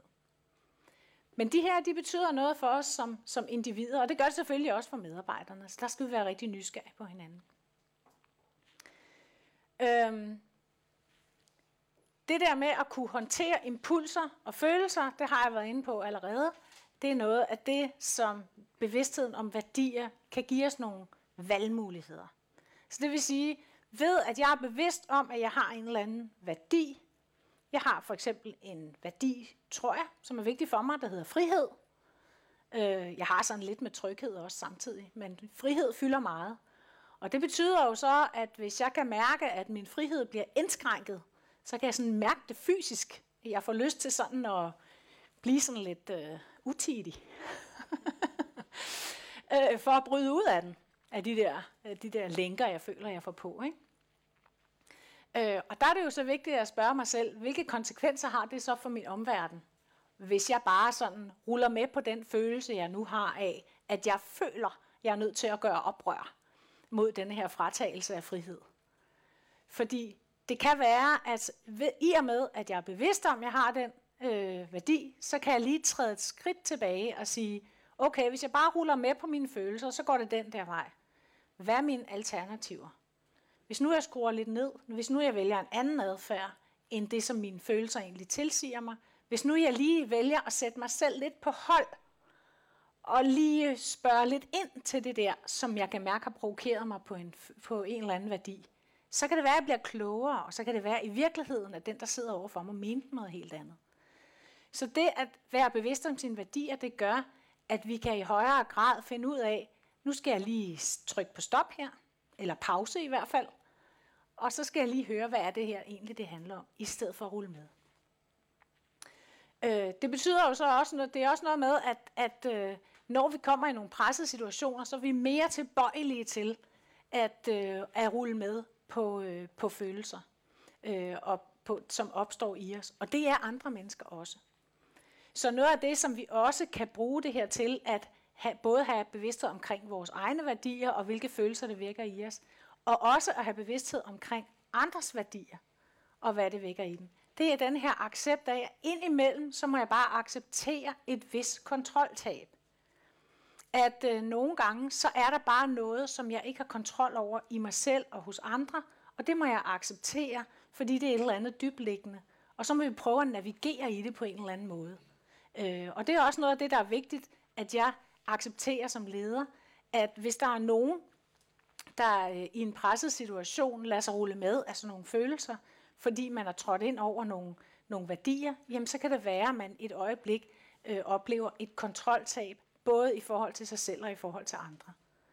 Øh, der er bevidstheden omkring, hvad er det egentlig, der sker med mig lige nu, også væsentligt. Så er der det her med at tænke klart og konstruktivt, altså det var det, som jeg, jeg øh, mente med at træde sådan et skridt tilbage og sige, nu sætter jeg lige mig selv på hold, og så siger jeg til mig selv, okay, nu skal jeg lige øh, være bevidst om, at jeg har jo den her værdi, jeg har jo de her overbevisninger, som jeg lige skal prøve at nedtone lidt, fordi så kan det være, at jeg bliver klogere på situationen.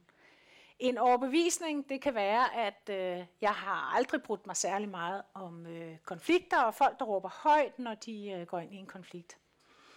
Og øh, det kan jo være meget, meget hæmmende. Altså det kan opleves som et stort kontroltab, hvis der er nogen, der lige pludselig øh, står. Måske er det ikke engang noget, jeg selv er involveret i, det er bare noget, der sker omkring mig, at der er nogen, der har den her, sådan en meget højrystet diskussion. Og hvis ikke jeg er bevidst om, at jeg, jeg ved med mig selv, at jeg bliver ukomfortabel, øh, jeg får svært ved at tænke sådan helt klart, jeg får sådan en flygt øh, impuls, når der er nogen, der, der råber højt og, og skændes. Hvis jeg ved det om mig selv, så kan jeg spørge mig selv, at det den, skal jeg følge den impuls nu, eller skal jeg acceptere, at det her det foregår omkring mig, leve det igennem, og så se, hvornår kan jeg gå ind og tage kontrollen igen. Øh, og det er meget det der med at, at, øh, at kende de reaktioner og kende de øh, reaktionsmønstre, man selv har, de overbevisninger, man har omkring noget. Fordi der er jo ikke nogen, der dør af at tage sådan en, en øh, voldsom diskussion forhåbentlig. Øh, så, så det kan jo være, at, at det måske i sidste ende øh, bliver min overbevisning gjort til skamme, fordi der kommer måske nogle helt nye ting frem, og de her to mennesker, de lærer måske hinanden meget bedre at kende ved at tage, få lov at tage den her ophedede diskussion, fordi jeg ikke lægger låg på den, som egentlig vil være min umiddelbare impuls at gøre. Nu skal vi også tale ordentligt til hinanden, og roligt nu og sådan noget. Nej, det kan være, at det her det er noget, som skal forløses. Så må min egen impuls lige træde lidt i baggrunden. Så må jeg acceptere kontroltabet og kaos omkring mig i en lille periode, i håbet om, i troen på, at jeg kan få kontrollen senere. Og det er noget af det, som vi bliver udfordret på rigtig ofte som ledere. Det her med, at der sker et eller andet, vi ikke har kontrol over. Så det aller, aller første, vi skal gøre, det er at kigge indad og sige, okay, nu skal jeg lige have styr på mig selv. Og måske tillade det her moderate kaos omkring mig. Fordi jeg tror på, at der kommer noget godt ud af det, og jeg skal nok få greb om situationen igen. Øh, det her med at håndtere impulser og følelser, der står sådan nogle små bitte, bitte ord derop. Stimulus og reaktion. Øh, det er det, som øh, dyr gør. De, øh, der, der sker noget, og så reagerer de. Men det vi kan som mennesker, det er, at vi kan har en frihed til at vælge. Det er Stephen Covey's syv gode vaner. Har I ikke læst den, så læs den. Den er gammel, men den holder. I hvert fald de vigtigste pointer. Øh, det her med friheden til at vælge, det er fordi vi rummer selverkendelse og øh, tænke i alternativer med vores fantasi. Vi har samvittighed, vi har vilje. Vi er proaktive øh, eksistenser. Vi kan agere proaktivt, ikke kun reaktivt. Øh, og det, det, der ligger i proaktivitet, det er, at vi har muligheden for at vælge. Øh, vi er selv ansvarlige for vores liv og adfærd. Vi kan ikke sige, at jeg kan ikke gøre for det. Det sker bare for mig hver gang, der er nogen, der siger sådan til mig. Så sker det der for mig. Nej, så vælger du at lade det ske. Og det skal vi hele tiden huske, både med os selv og med andre, at vi har muligheden for at vælge. Øh, vores adfærd er et resultat af beslutninger, ikke omstændigheder. Øh, vi kan faktisk sætte værdier højere end følelser. Øh, det, med det der mener jeg, det kan godt være, at vi i ulvetimen har mest lyst til at tage vores treårige barn og smide et eller andet sted hen. Men vi har en værdi, der siger, at jamen, jeg er en vigtig person for den her, øh, det her barn. Jeg er rollemodel. Jeg holder på mine følelser. Jeg trækker vejret dybt. Måske går jeg lige udenfor et øjeblik og skriger. Så kommer jeg tilbage. og så er jeg styr på mig selv. Fordi det er vigtigt, at det her barn oplever en tillid til mig og en tryghed ved mig, uanset hvordan ungen øh, opfører sig. Øhm, og hvis nu jeg føler en trang til at give udtryk for min frustration, så doserer jeg den lige præcis, så det passer til en treårig. Det er jo det, vi kan, når det handler om børn. Det skal vi også kunne, når det handler om alle de andre, som vi omgiver os med i det daglige. Ikke mindst, når vi har ledelsesrollen og har stor indflydelse på vores omgivelser. Så det at sætte værdier højere end følelser, det betyder, der er noget her, der er vigtigt. Derfor lader jeg mig ikke rulle med på en følelse. Jeg træder lige et skridt tilbage, sætter mig på hold og vælger, hvad jeg vil gøre, som er mest hensigtsmæssigt lige præcis i den her situation. Det er proaktivitet. Og så er der, så er proaktivitet også det, at øh, jeg, jeg kan ikke sidde her og vente på, at tingene de sker, at der er nogen, der opdager mig. Øh, at der er nogen, der opdager, at der er noget, jeg gerne vil. Øh, jeg er nødt til at tage ansvaret for det selv, hvis jeg skal have ting til at ske. Øh, det er også en, en del af det her. Jeg har selv initiativet til at få tingene til at ske. Det sker ikke af sig selv. Så hvis der er noget, jeg gerne vil have til at ske, så skal jeg tage et initiativ og gøre noget. Det gælder også i forhold til vores øh, omgivelser, vores rolle som leder øh, og vores medarbejdere. Hvis vi gerne vil have noget til at ske, så skal vi tage et initiativ. En vigtig, øh, en vigtig model, når vi arbejder med det her med ledelse indad og i alle mulige andre retninger, det er Johari's vindue. Og jeg ved godt, der er rigtig mange af jer, der sikkert er stødt på det tidligere, men jeg tager det alligevel. Og det gør jeg, fordi jeg synes, det er så vigtigt. Og jeg har oplevet så mange gange, øh, at når jeg har gennemgået Johais vindue med en, for eksempel i en, i en afdeling eller noget andet, så er det sådan en lidt en aha-oplevelse alligevel. Nå ja, det er jo det, det betyder, det der Johais vindue. Og øh, det, der ligger i Johais vindue, det er, at... Øh, skal jeg lige tegne det her? At, at ikke Johanna Harris, det hedder, som, øh, som øh, en gang i 60'erne, tror jeg, måske tidligere, øh, beskrev personligheden som bestående af fire vinduer. Øh, der er det, som du ved om dig selv, og så er der det, som andre ved. Det der, som du ved, og som andre også ved, det er det, som vi kalder det åbne vindue i min personlighed. Det er det, jeg vælger at vise. Det er det, I ser. Og det er det, vi er enige om af mig. Jo mere vi er enige om af mig, jo mere tryg er I ved mig. Jo nemmere er det at samarbejde. Øh, fordi så skal vi ikke hele tiden sidde og gætte. Så bliver vi gode til at aflæse hinanden, hvis der ligger meget ude i det her åbne. Du ved det, jeg ved det.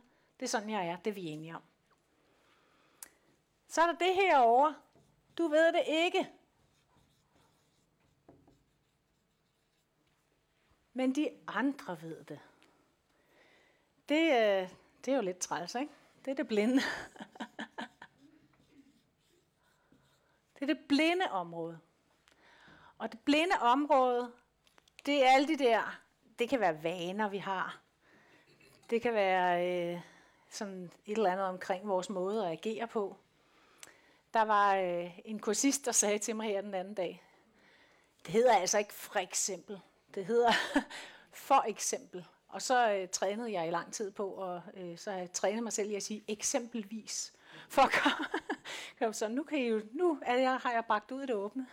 Nu ved I det. Så fra nu af, når jeg siger for eksempel, så lægger I mærke til det. Øhm, og det der er med det blinde område, det er jo, at jeg ved det ikke. Så hvordan får jeg det at vide?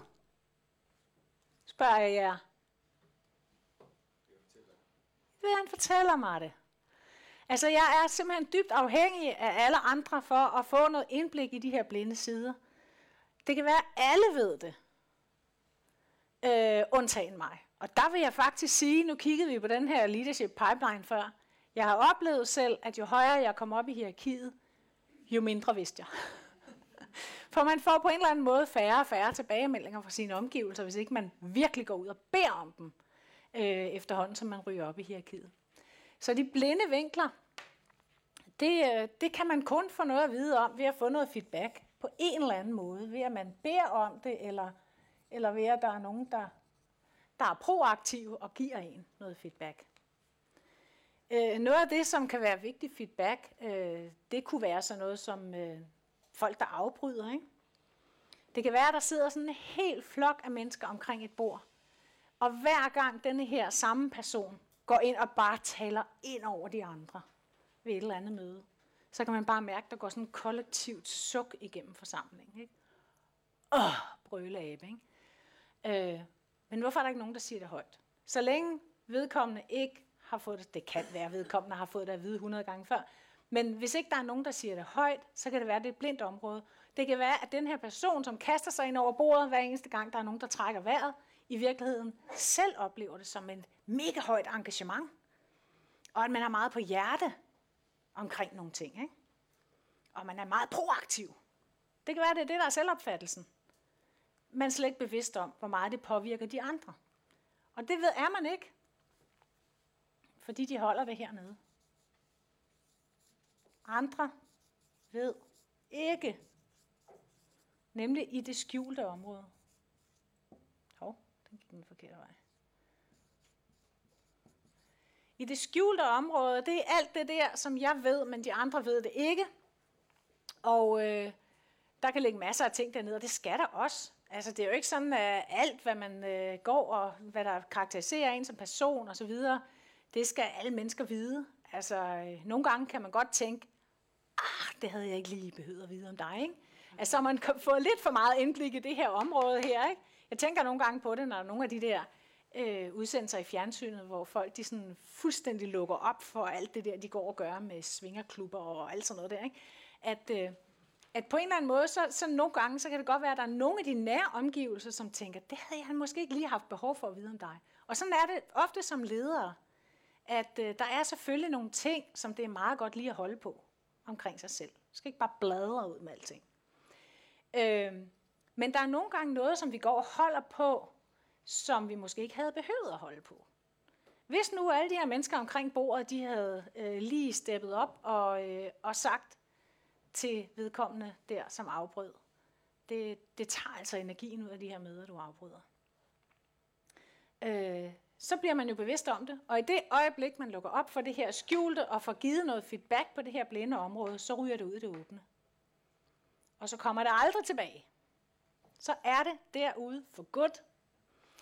Øhm, på samme måde, at øh, hvis vi selv beslutter os for, at, øh, at det her skjulte område her, jamen hvorfor er det egentlig, jeg går og gemmer det dernede?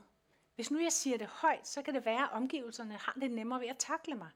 Hvis nu er der, jeg har en eller anden faglighed eller et eller andet område, hvor jeg tænker, der føler mig faktisk en lille smule usikker, så kan det være, at andre de bliver utrygge omkring en, fordi man prøver at dække over en eller anden faglig usikkerhed eller sårbarhed eller noget andet. Øh, og så bliver folk sådan lidt usikre på, hvad er det egentlig, der sker lige nu? Og hvorfor får jeg ikke et klart svar og sådan noget? I stedet for bare at sige, det ved jeg ikke.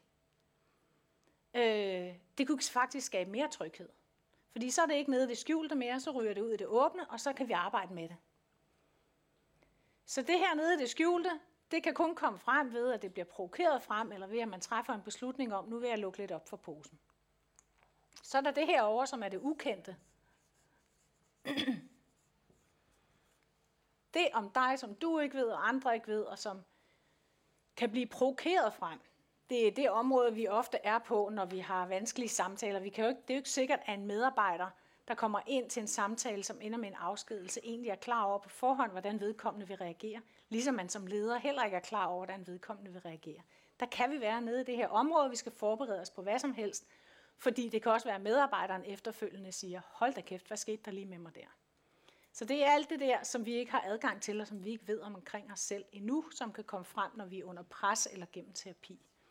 Men det, der egentlig er vigtigt her, det er at, øh, at arbejde med at få så meget som muligt ud af det her åbne område, som altså er hensigtsmæssigt at få derud.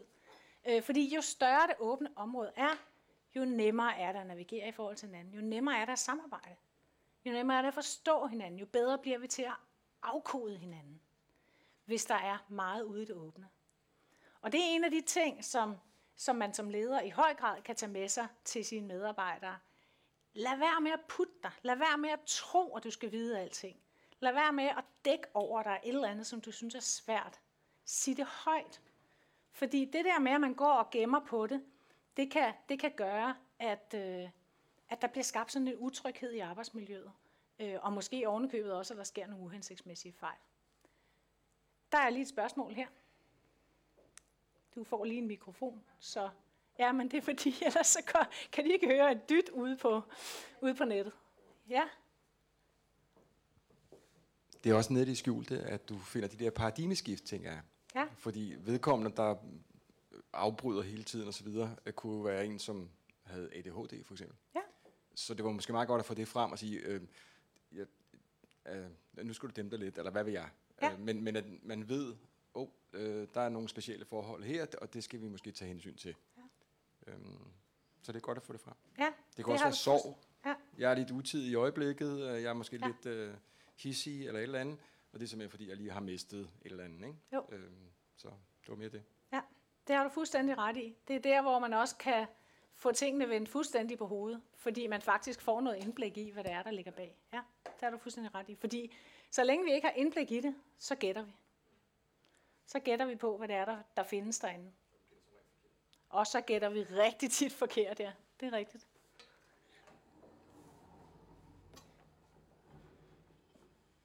Det var jo vindue.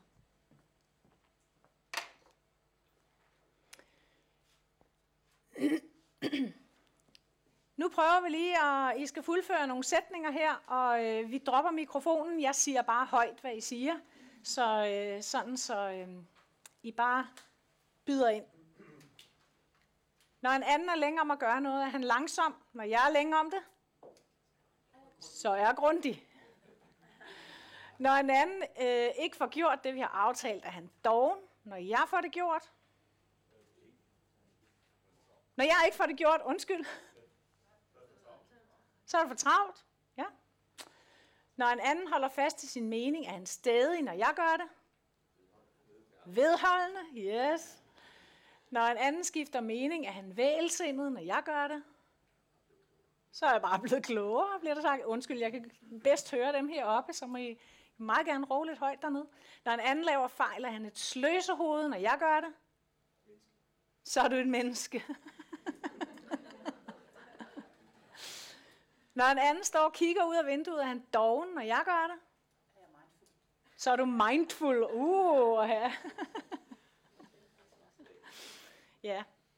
Og øh, det er jo sådan en ren manipulation, det her, ikke? Øh, fordi det, øh, det, der er humlen her, det er, at vi dømmer andre på deres adfærd, men vi dømmer os selv på vores hensigt.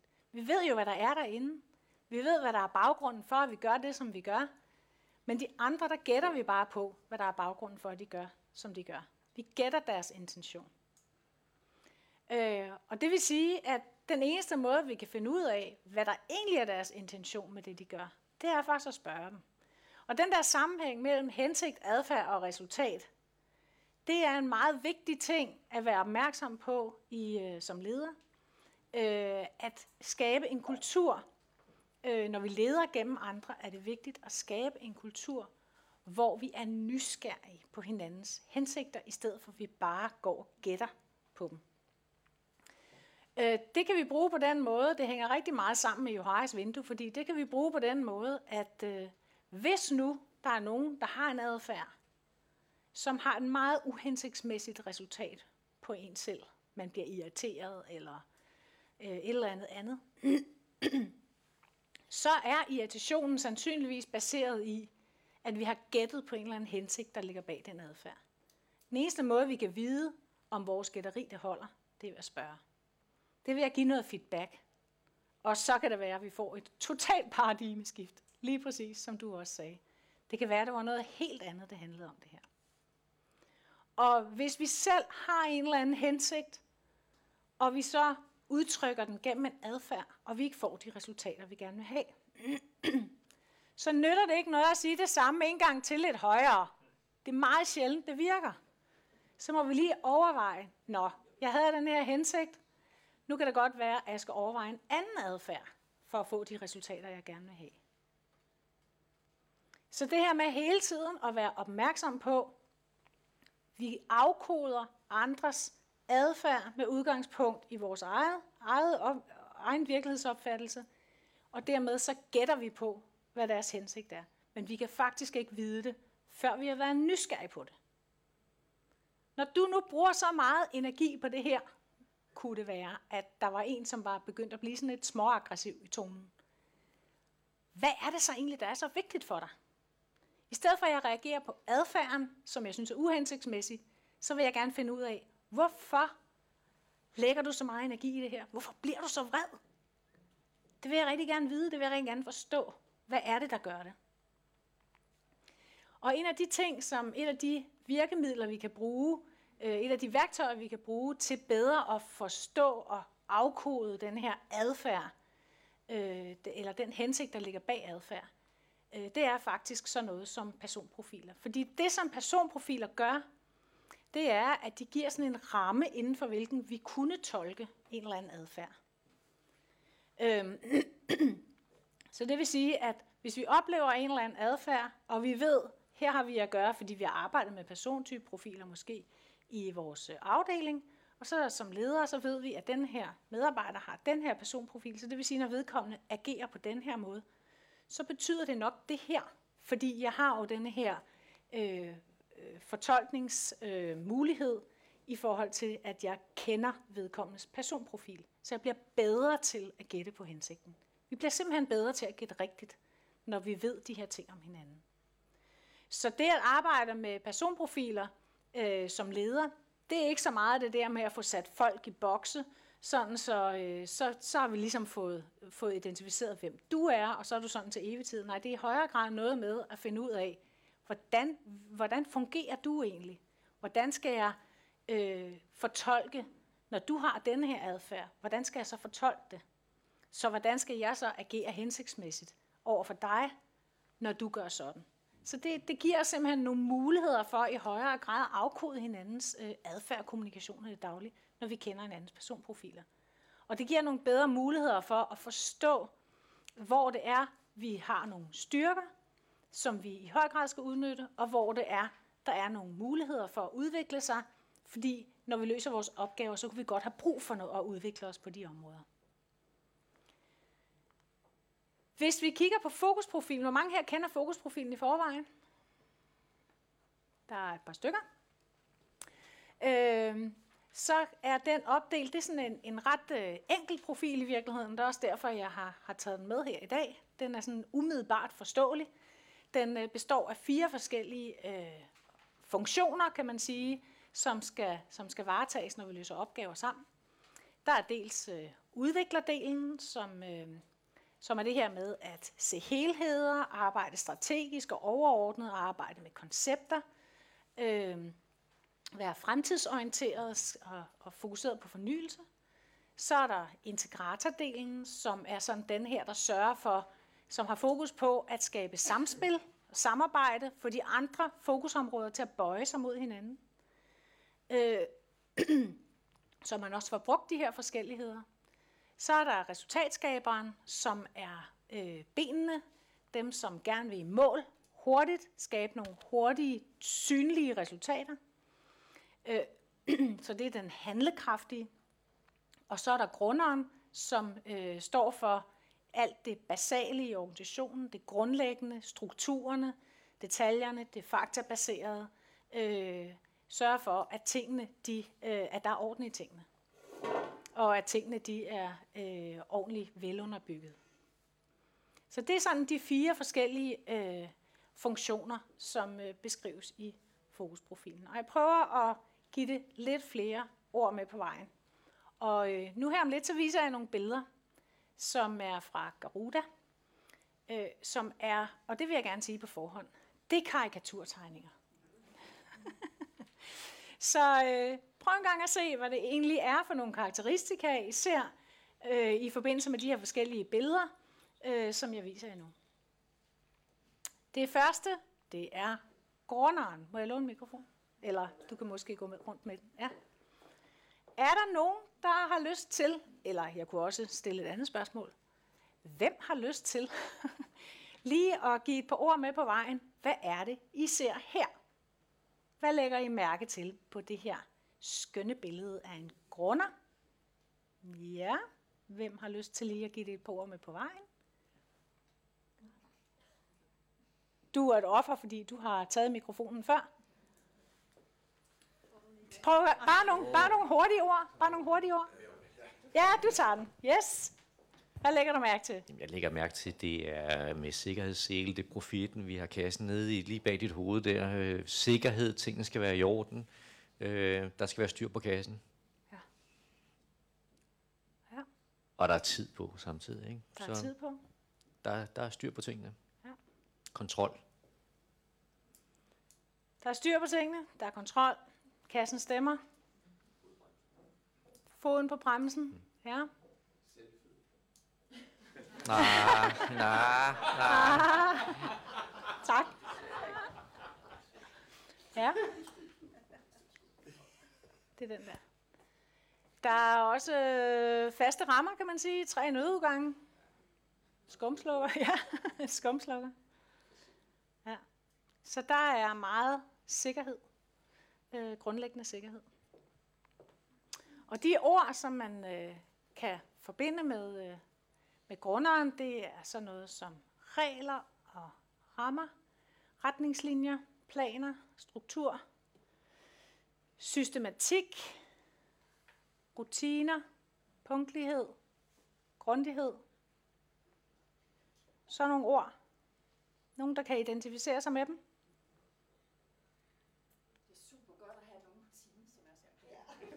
Det er rigtig godt at have nogen i sit team, som er sådan. Det er det, så jeg vil sige, du lyder ikke som om det lige er dig, der er den i teamet, men, øh, men øh, det er rigtig, rigtig godt. Det er uundværligt at have nogen, der fokuserer på det her. Hvis ikke man har nogen, der fokuserer på det, så må man finde nogen, der vil gøre det. For vi har brug for det. Ja. Er der nogen, der har lagt mærke til noget særligt på den her planche? Ja? Ja, det er fundamentet. Det er det her, der er fundamentet. Det er der måske også er nogen, der har lagt mærke til. Bogstaverne står ikke lige.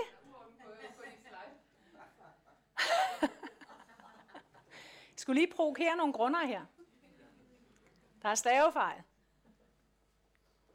Og der er ulige linjer. Meget irriterende, ikke?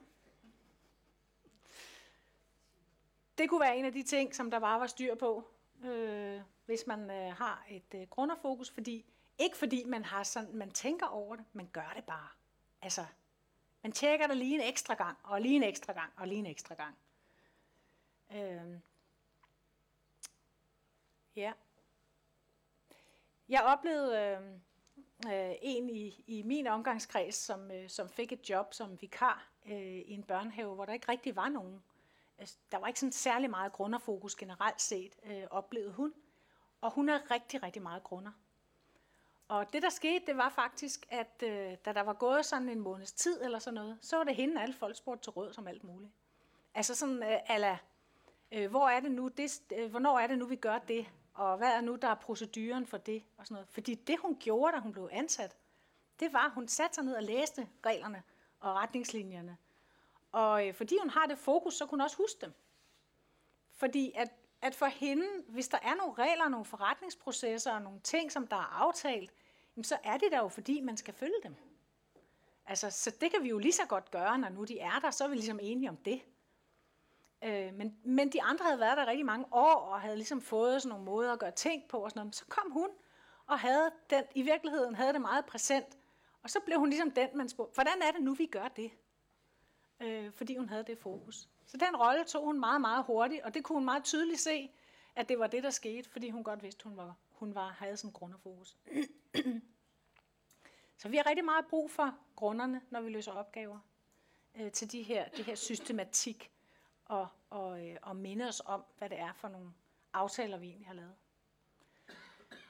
Her har vi resultatskaberen. Hvis nu vi bare siger, jeg siger det højt, hvis I kommer med nogle input, så I ikke får den der mikrofon over i hovedet, så øh, hvad ser I så på det her billede? Byd ind. Succes. Succes. Yes. Der er mål. Ja. Der er anerkendelse. Der bliver simpelthen, man bliver kastet op i luften her. Andre ting, jeg lægger mærke til? Det er det også. Man kan se, der er succes. Det er tydeligt. Der er en linje, der er løbet, en målstreg, der er løbet over. Ja. Ja. Stort publikum, ja. Ja, Så man ikke sådan lige ser dem om bagved i hvert fald. Ja. Der er vækst. Resultatskaberen er rigtig god i vækst. Ja. Men også, at han ikke kan gøre det alene. Ja. Han, mange. Ja, han kan ikke gøre det alene, men man ser ikke de andre.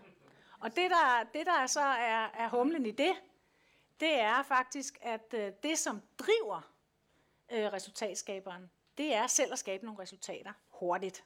Så det er sådan meget de kortsigtede resultater, og det er noget, man kan mærke. Det er virkelig noget, der kan tænde. Det er en konkurrencementaliteten, ikke? Ja, det der med, at nu er jeg over målstregen, way!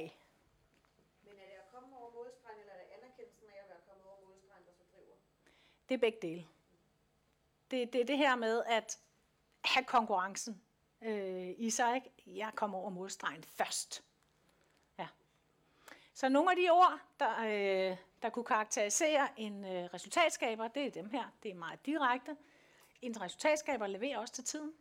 Altså, hvis man træffer en aftale med en resultatskaber om, at det er mandag kl. 12, så er det mandag kl. 12.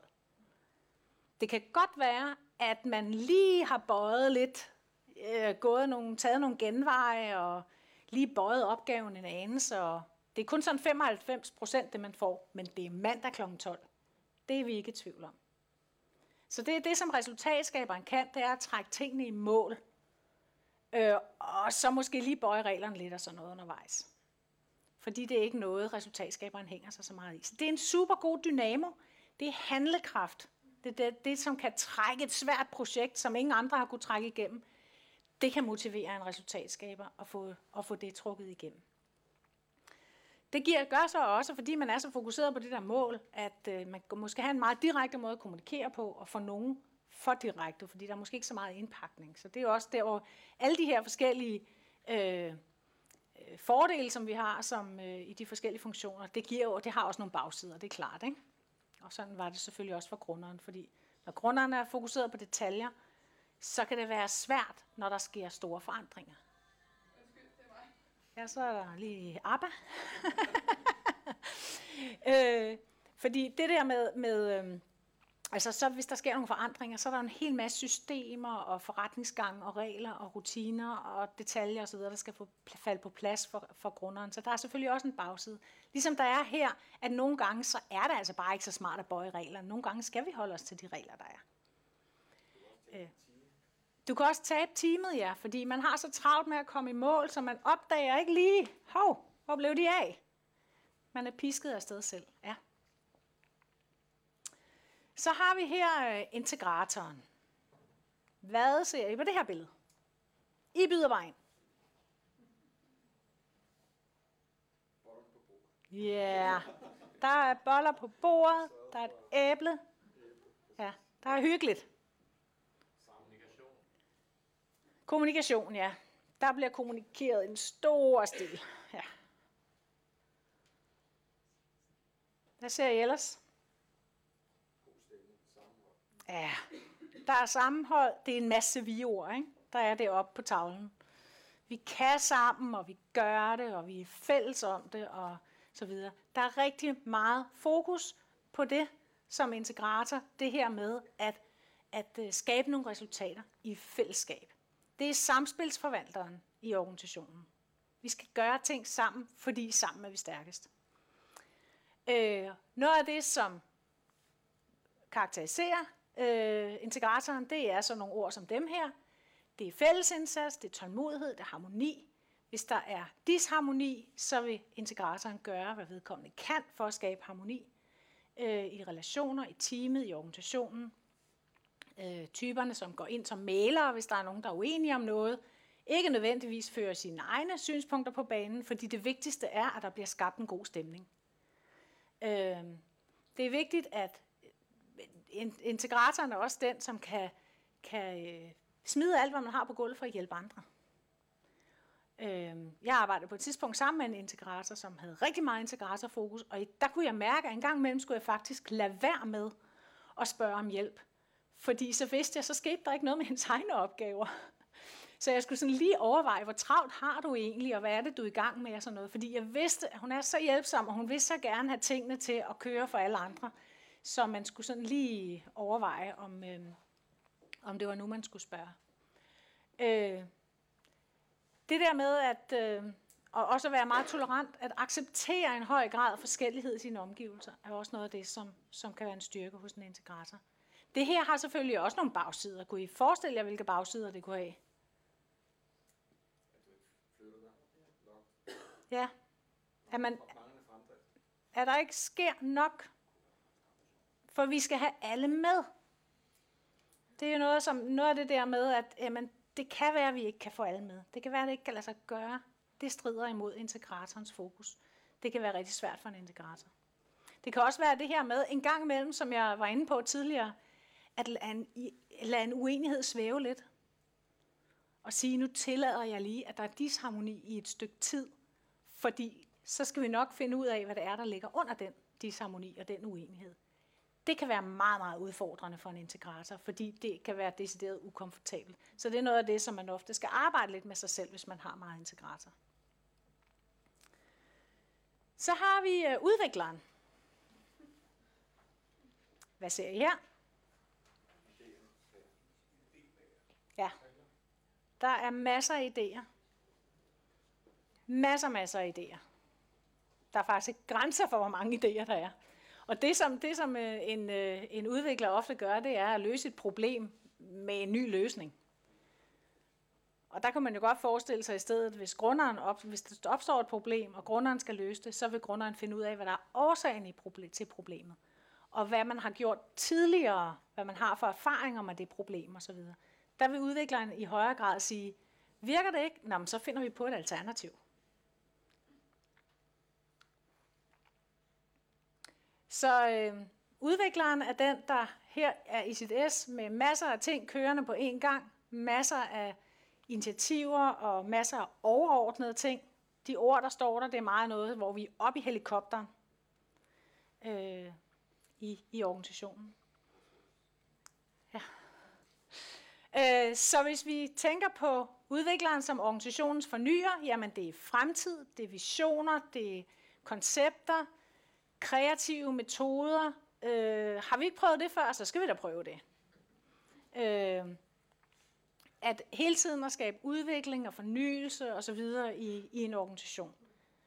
Øh, en, en, en udvikler oplever det som energigivende. Bare det, at der sker en forandring. Bare det, at der sker en fornyelse. Bare det, at vi prøver noget andet. Nej, hvor spændende. Er det noget, I kan genkende fra jeres øverste ledelse måske? og det er ikke tilfældigt, fordi Garuda har faktisk lavet noget statistik på, hvad der er for nogle farver, der karakteriserer op igennem et ledelsessystem. Og jo højere vi kommer mod toppen af en organisation, jo grønnere bliver der. Jo mere udvikler har vi. Øh, det er jo ikke så mærkeligt, kan man sige, fordi det går begge veje. Ikke? Man har jo mulighed for rent faktisk at svæve op i helikopteren, når man er øverst i, i, øh, i hierarkiet, så det er også det, man bliver tændt af, hvis man vælger at gå den vej. Øh, men men det, det, kan være, det kan være udfordrende for en organisation, hvis der ikke er sammenhæng imellem øh, det der meget, meget grønne, den her meget, meget grønne topledelse, og så måske en driftsorganisation, som også skal have tingene til at falde på plads i takt med fornyelserne og, og forandringerne. Nu får I fire minutter summetid igen. Jeg har præsenteret de her fire forskellige fokusområder, og øh, nu er det tid til at øh, kigge på, hvad det egentlig er for nogle øh, områder. Ej, I får kun to minutter, så vi lige når det sidste med os.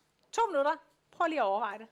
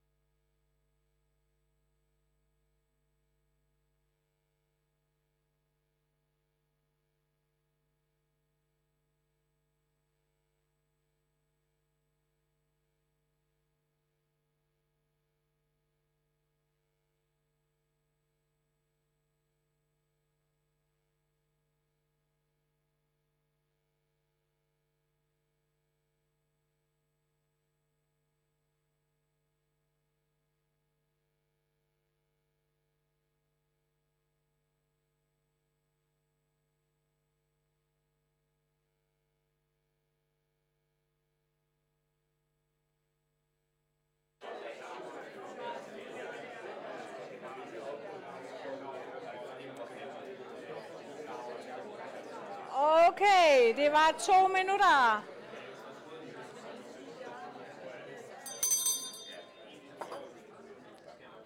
Så ringer det ind igen. Øh, jeg har lige et par sidste pointer, jeg vil give jer her de sidste syv minutter, inden I render ud af døren. Øh, tiden går hurtigt i godt selskab, tak for det. Øh, så jeg springer lige min lille case over her. Hvordan kan vi bruge fokusprofilen til øh, ledelse gennem andre? Jamen, øh, hvis vi nu tænker nedad, hvad er det egentlig, der er medarbejdernes fokus? Øh, hvad er det, der skal til for at motivere dem? Hvordan kan jeg blive god til at aflæse deres signaler, så de er motiveret? Øh, hvordan, hvor er det, de har brug for at udvikle sig? Hvis I tænker opad, hvad er det så egentlig for et fokus, min leder har?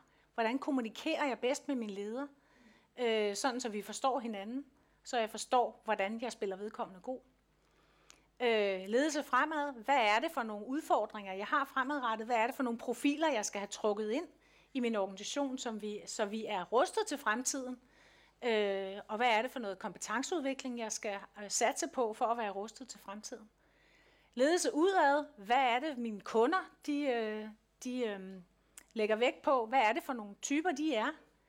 Øh, da jeg skrev den her bog om mesterledelse, der var der en, en, en byggevirksomhed, som jeg interviewede, som fortalte om, at de havde arbejdet med fokusprofilen på alle måder i deres organisation, også i forhold til deres kunder, som de sådan sad ofte på vej hjem fra kundemøder, så sad de og diskuterede, hvad var det nu? Vi skal lige huske, jeg tror, det her er en meget grå profil, så vi skal lige huske, at når vi laver tilbud til dem, så skal der være 100% styr på alle detaljer osv.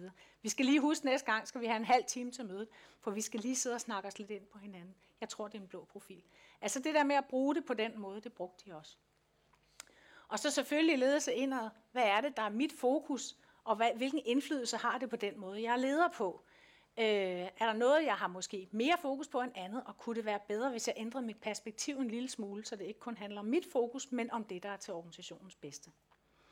Og det, det egentlig handler om her, det er at have fokus på alle de her forskellige ting i en organisation, at vi har en fælles oplevelse af, at vi skal, vi skal formidle som ledere, hvad er det, der er grunden til, at vi er her? Hvad er det for en vision, øh, vi har? Hvor er det, vi er på vej hen? Hvad er det, der er vores fælles ledestjerne? Og så skal vi have medarbejdernes daglige arbejdssituation, det vil sige den strategi, altså den vej, vi skal gå frem imod vores, vores øh, vision, den skal vi være, have formidlet, så vi kan forstå det alle sammen, hvorfor det er, vi træffer de afgørelser og har de prioriteringer, som vi har. Det skal vi kunne formidle på en måde, så det er forståeligt. Vi skal udvikle de kompetencer, som er nødvendige for, at vi kan nå den vision. Og vi skal have de værdier, som understøtter den adfærd, vi gerne vil have for at nå den vision. Og alt det, det er vores helt store formidlingsopgave som ledere. Og det skal vi gøre gennem nogle mål og handleplaner, som vi stiller op for vores medarbejdere. Og nu kommer der så en slide, hvor der kommer rigtig mange små elementer, men jeg fortæller jer lige, hvad det er for et enkelt element, der kommer. Vi tager nemlig de der mål og handleplaner fra den tidligere, og så siger vi, at dem skal vi kommunikere til vores medarbejdere. På et eller andet tidspunkt skal der komme nogle resultater ud af det, men det er ikke, ikke nok bare at sige, øh, det her, det skal du gøre. Vi skal have sørge for, at vi har nogle accepterede rammer omkring de her mål og handleplaner. Det er også en vigtig del som leder. Hvad er det, der skal til for, at netop du kan løse den her opgave med det kendskab, jeg har til dig, og med det kendskab, du har til dig selv? Hvad har du brug for fra mig? Hvor tit skal vi mødes? Hvor tit skal jeg, vi følge op? Hvor meget tilgængelig skal jeg være for dig, for at du kan løse den her opgave? Det er sådan nogle termometre med temperaturmåling, det her. Ikke? Hvad har du brug for at få leveret ind undervejs? Øh, og hvad er det, du har brug for af ressourcer og værktøjer, samarbejdsmuligheder og viden, og hvad der ellers måtte være, som du har brug for for at løse opgaverne. Vi er i gang med at rydde vejen for medarbejderen, sådan at de kan gøre det, de er bedst til, der hvor de er. Og så skal medarbejderen gå fra A til B, øh, som, som øh, medarbejderen nu finder det bedst. Hvis det er den her vej, vedkommende tager, så kan det godt være, at vi lige skulle have tænkt, oh, situationsbestemt ledelse, det kunne godt være, at vi skulle have haft lidt flere temperaturmålinger for at udnytte vores ressourcer bedst muligt. Øh, og så skal vi selvfølgelig være gode til hele tiden at evaluere på, hvor gode er vi egentlig til det her med at opstille rammer og regler osv. for vores øh, evne til at løse opgaver, sådan så du bliver bedst mulig som medarbejder til at løse opgaverne netop som den person du er. Så det handler altså om, når vi se, når, så ses vi, når I er færdige. Ja vel, chef. Hvad? Hvordan? Hvornår? Med hvem? Det er ikke nok. Det er ikke nok at, at definere opgaverne. Vi skal definere de fem R'er, som er rammer, retning, roller, regler og relationer. super godt værktøj til at komme hele vejen rundt om det her aftalekoncept, der skal være for de opgaver, vi giver til, til medarbejderne. Både overordnet set og også specifikt på opgaven. Rammerne, missionen, kerneopgaven, øh, hvem samarbejder vi med, hvordan er vi placeret i organisationen, retningen, som er vores overordnede vision, og ned igennem vores strategi, altså den vej, vi skal gå for at komme til visionen, og så vores indsatser og handleplaner. Hvilken indflydelse har det så på mig som medarbejder? Hvordan er det, jeg bidrager til det overordnede? Så er der reglerne. Hvad er det for nogle leveregler, navigationsregler, vi skal have i forhold til hinanden, så vi ikke spænder ben for hinanden, og så vi bliver gode til at samarbejde? Hvad er god adfærd hos os? Hvordan håndterer vi konflikter? Hvordan kommunikerer vi på en god måde, så vi ikke øh, misforstår hinanden? Hvordan deler vi viden og giver hinanden feedback osv.? Nogle af alle de her ting. Hvilken mødekultur har vi brug for at have, for at vi fungerer bedst muligt sammen og leverer ind til fællesskabet? Rollerne. Hvad, hvad er det for en forventningsafstemning, vi skal skabe i forhold til hinanden? Hvad er det, den enkelte leverer ind med? Det kunne være sådan noget som persontyper. Hvad er det for et fokus, vi har hver for sig? Så hvor er det, vi får energi? Hvor er det, vi bruger energi? Hvad er det for nogle faglige og personlige styrker, vi har, øh, som kunne påvirke de roller, som vi tager i dagligdagen over for hinanden? Øh, hvad er det for nogle beslutningsprocesser, vi har, og beslutningskompetencer, vi har øh, i den rolle, som vi udfylder til daglig? Hvad kan vi beslutte, og hvad kan vi ikke beslutte? Hvor skal vi have fælles beslutninger, hvor har vi individuelle beslutninger? Og endelig relationerne, det som binder det hele sammen, og det er derfor, det ligger inde i midten, relationerne, vores fælles tilhørsforhold og fællesskab, og det, som holder det hele sammen. Øh, har vi tillid indad til og udad til? Er vi inkluderet, eller føler vi os ekskluderet? Altså det at have en sammenhængskraft, noget af det, som, som vi også var inde på med den sociale kapital, altså det, der holder det hele sammen. Oplever vi retfærdighed? Så fem er det et rigtig godt værktøj til at øh, arbejde med den her forventningsafstemning omkring opgaverne. Fremtidens ledelse, ganske kort, Øh, kunderne, jeg var inde på det tidligere, der bliver behov for endnu mere øh, definition fra kunderne af, hvad er det lige præcis, jeg har brug for som kunde. Øh, hele tiden at forny vores øh, ydelser og vores produkter, to, konstante opdateringer på, hvad det er, vi leverer ind, øh, hvad det er, kunderne de forventer. Der var det her med distancen, som også bliver en, en del af den grundlæggende struktur i, øh, i frem, fremadrettet. Det kan være, at det her med, at vi får nogle teams, som gør, at hele vores sådan nogle agile teams med agile arbejdsmetoder og projekter, det ændrer igen, udfordrer lederrollen øh, og flytter magten i en organisation. Øh, der er det digitale indfødte, som jeg har været inde på. Og i yderste instans, øh, robotter overtager.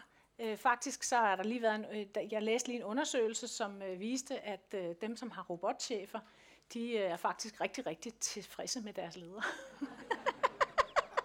Tag den.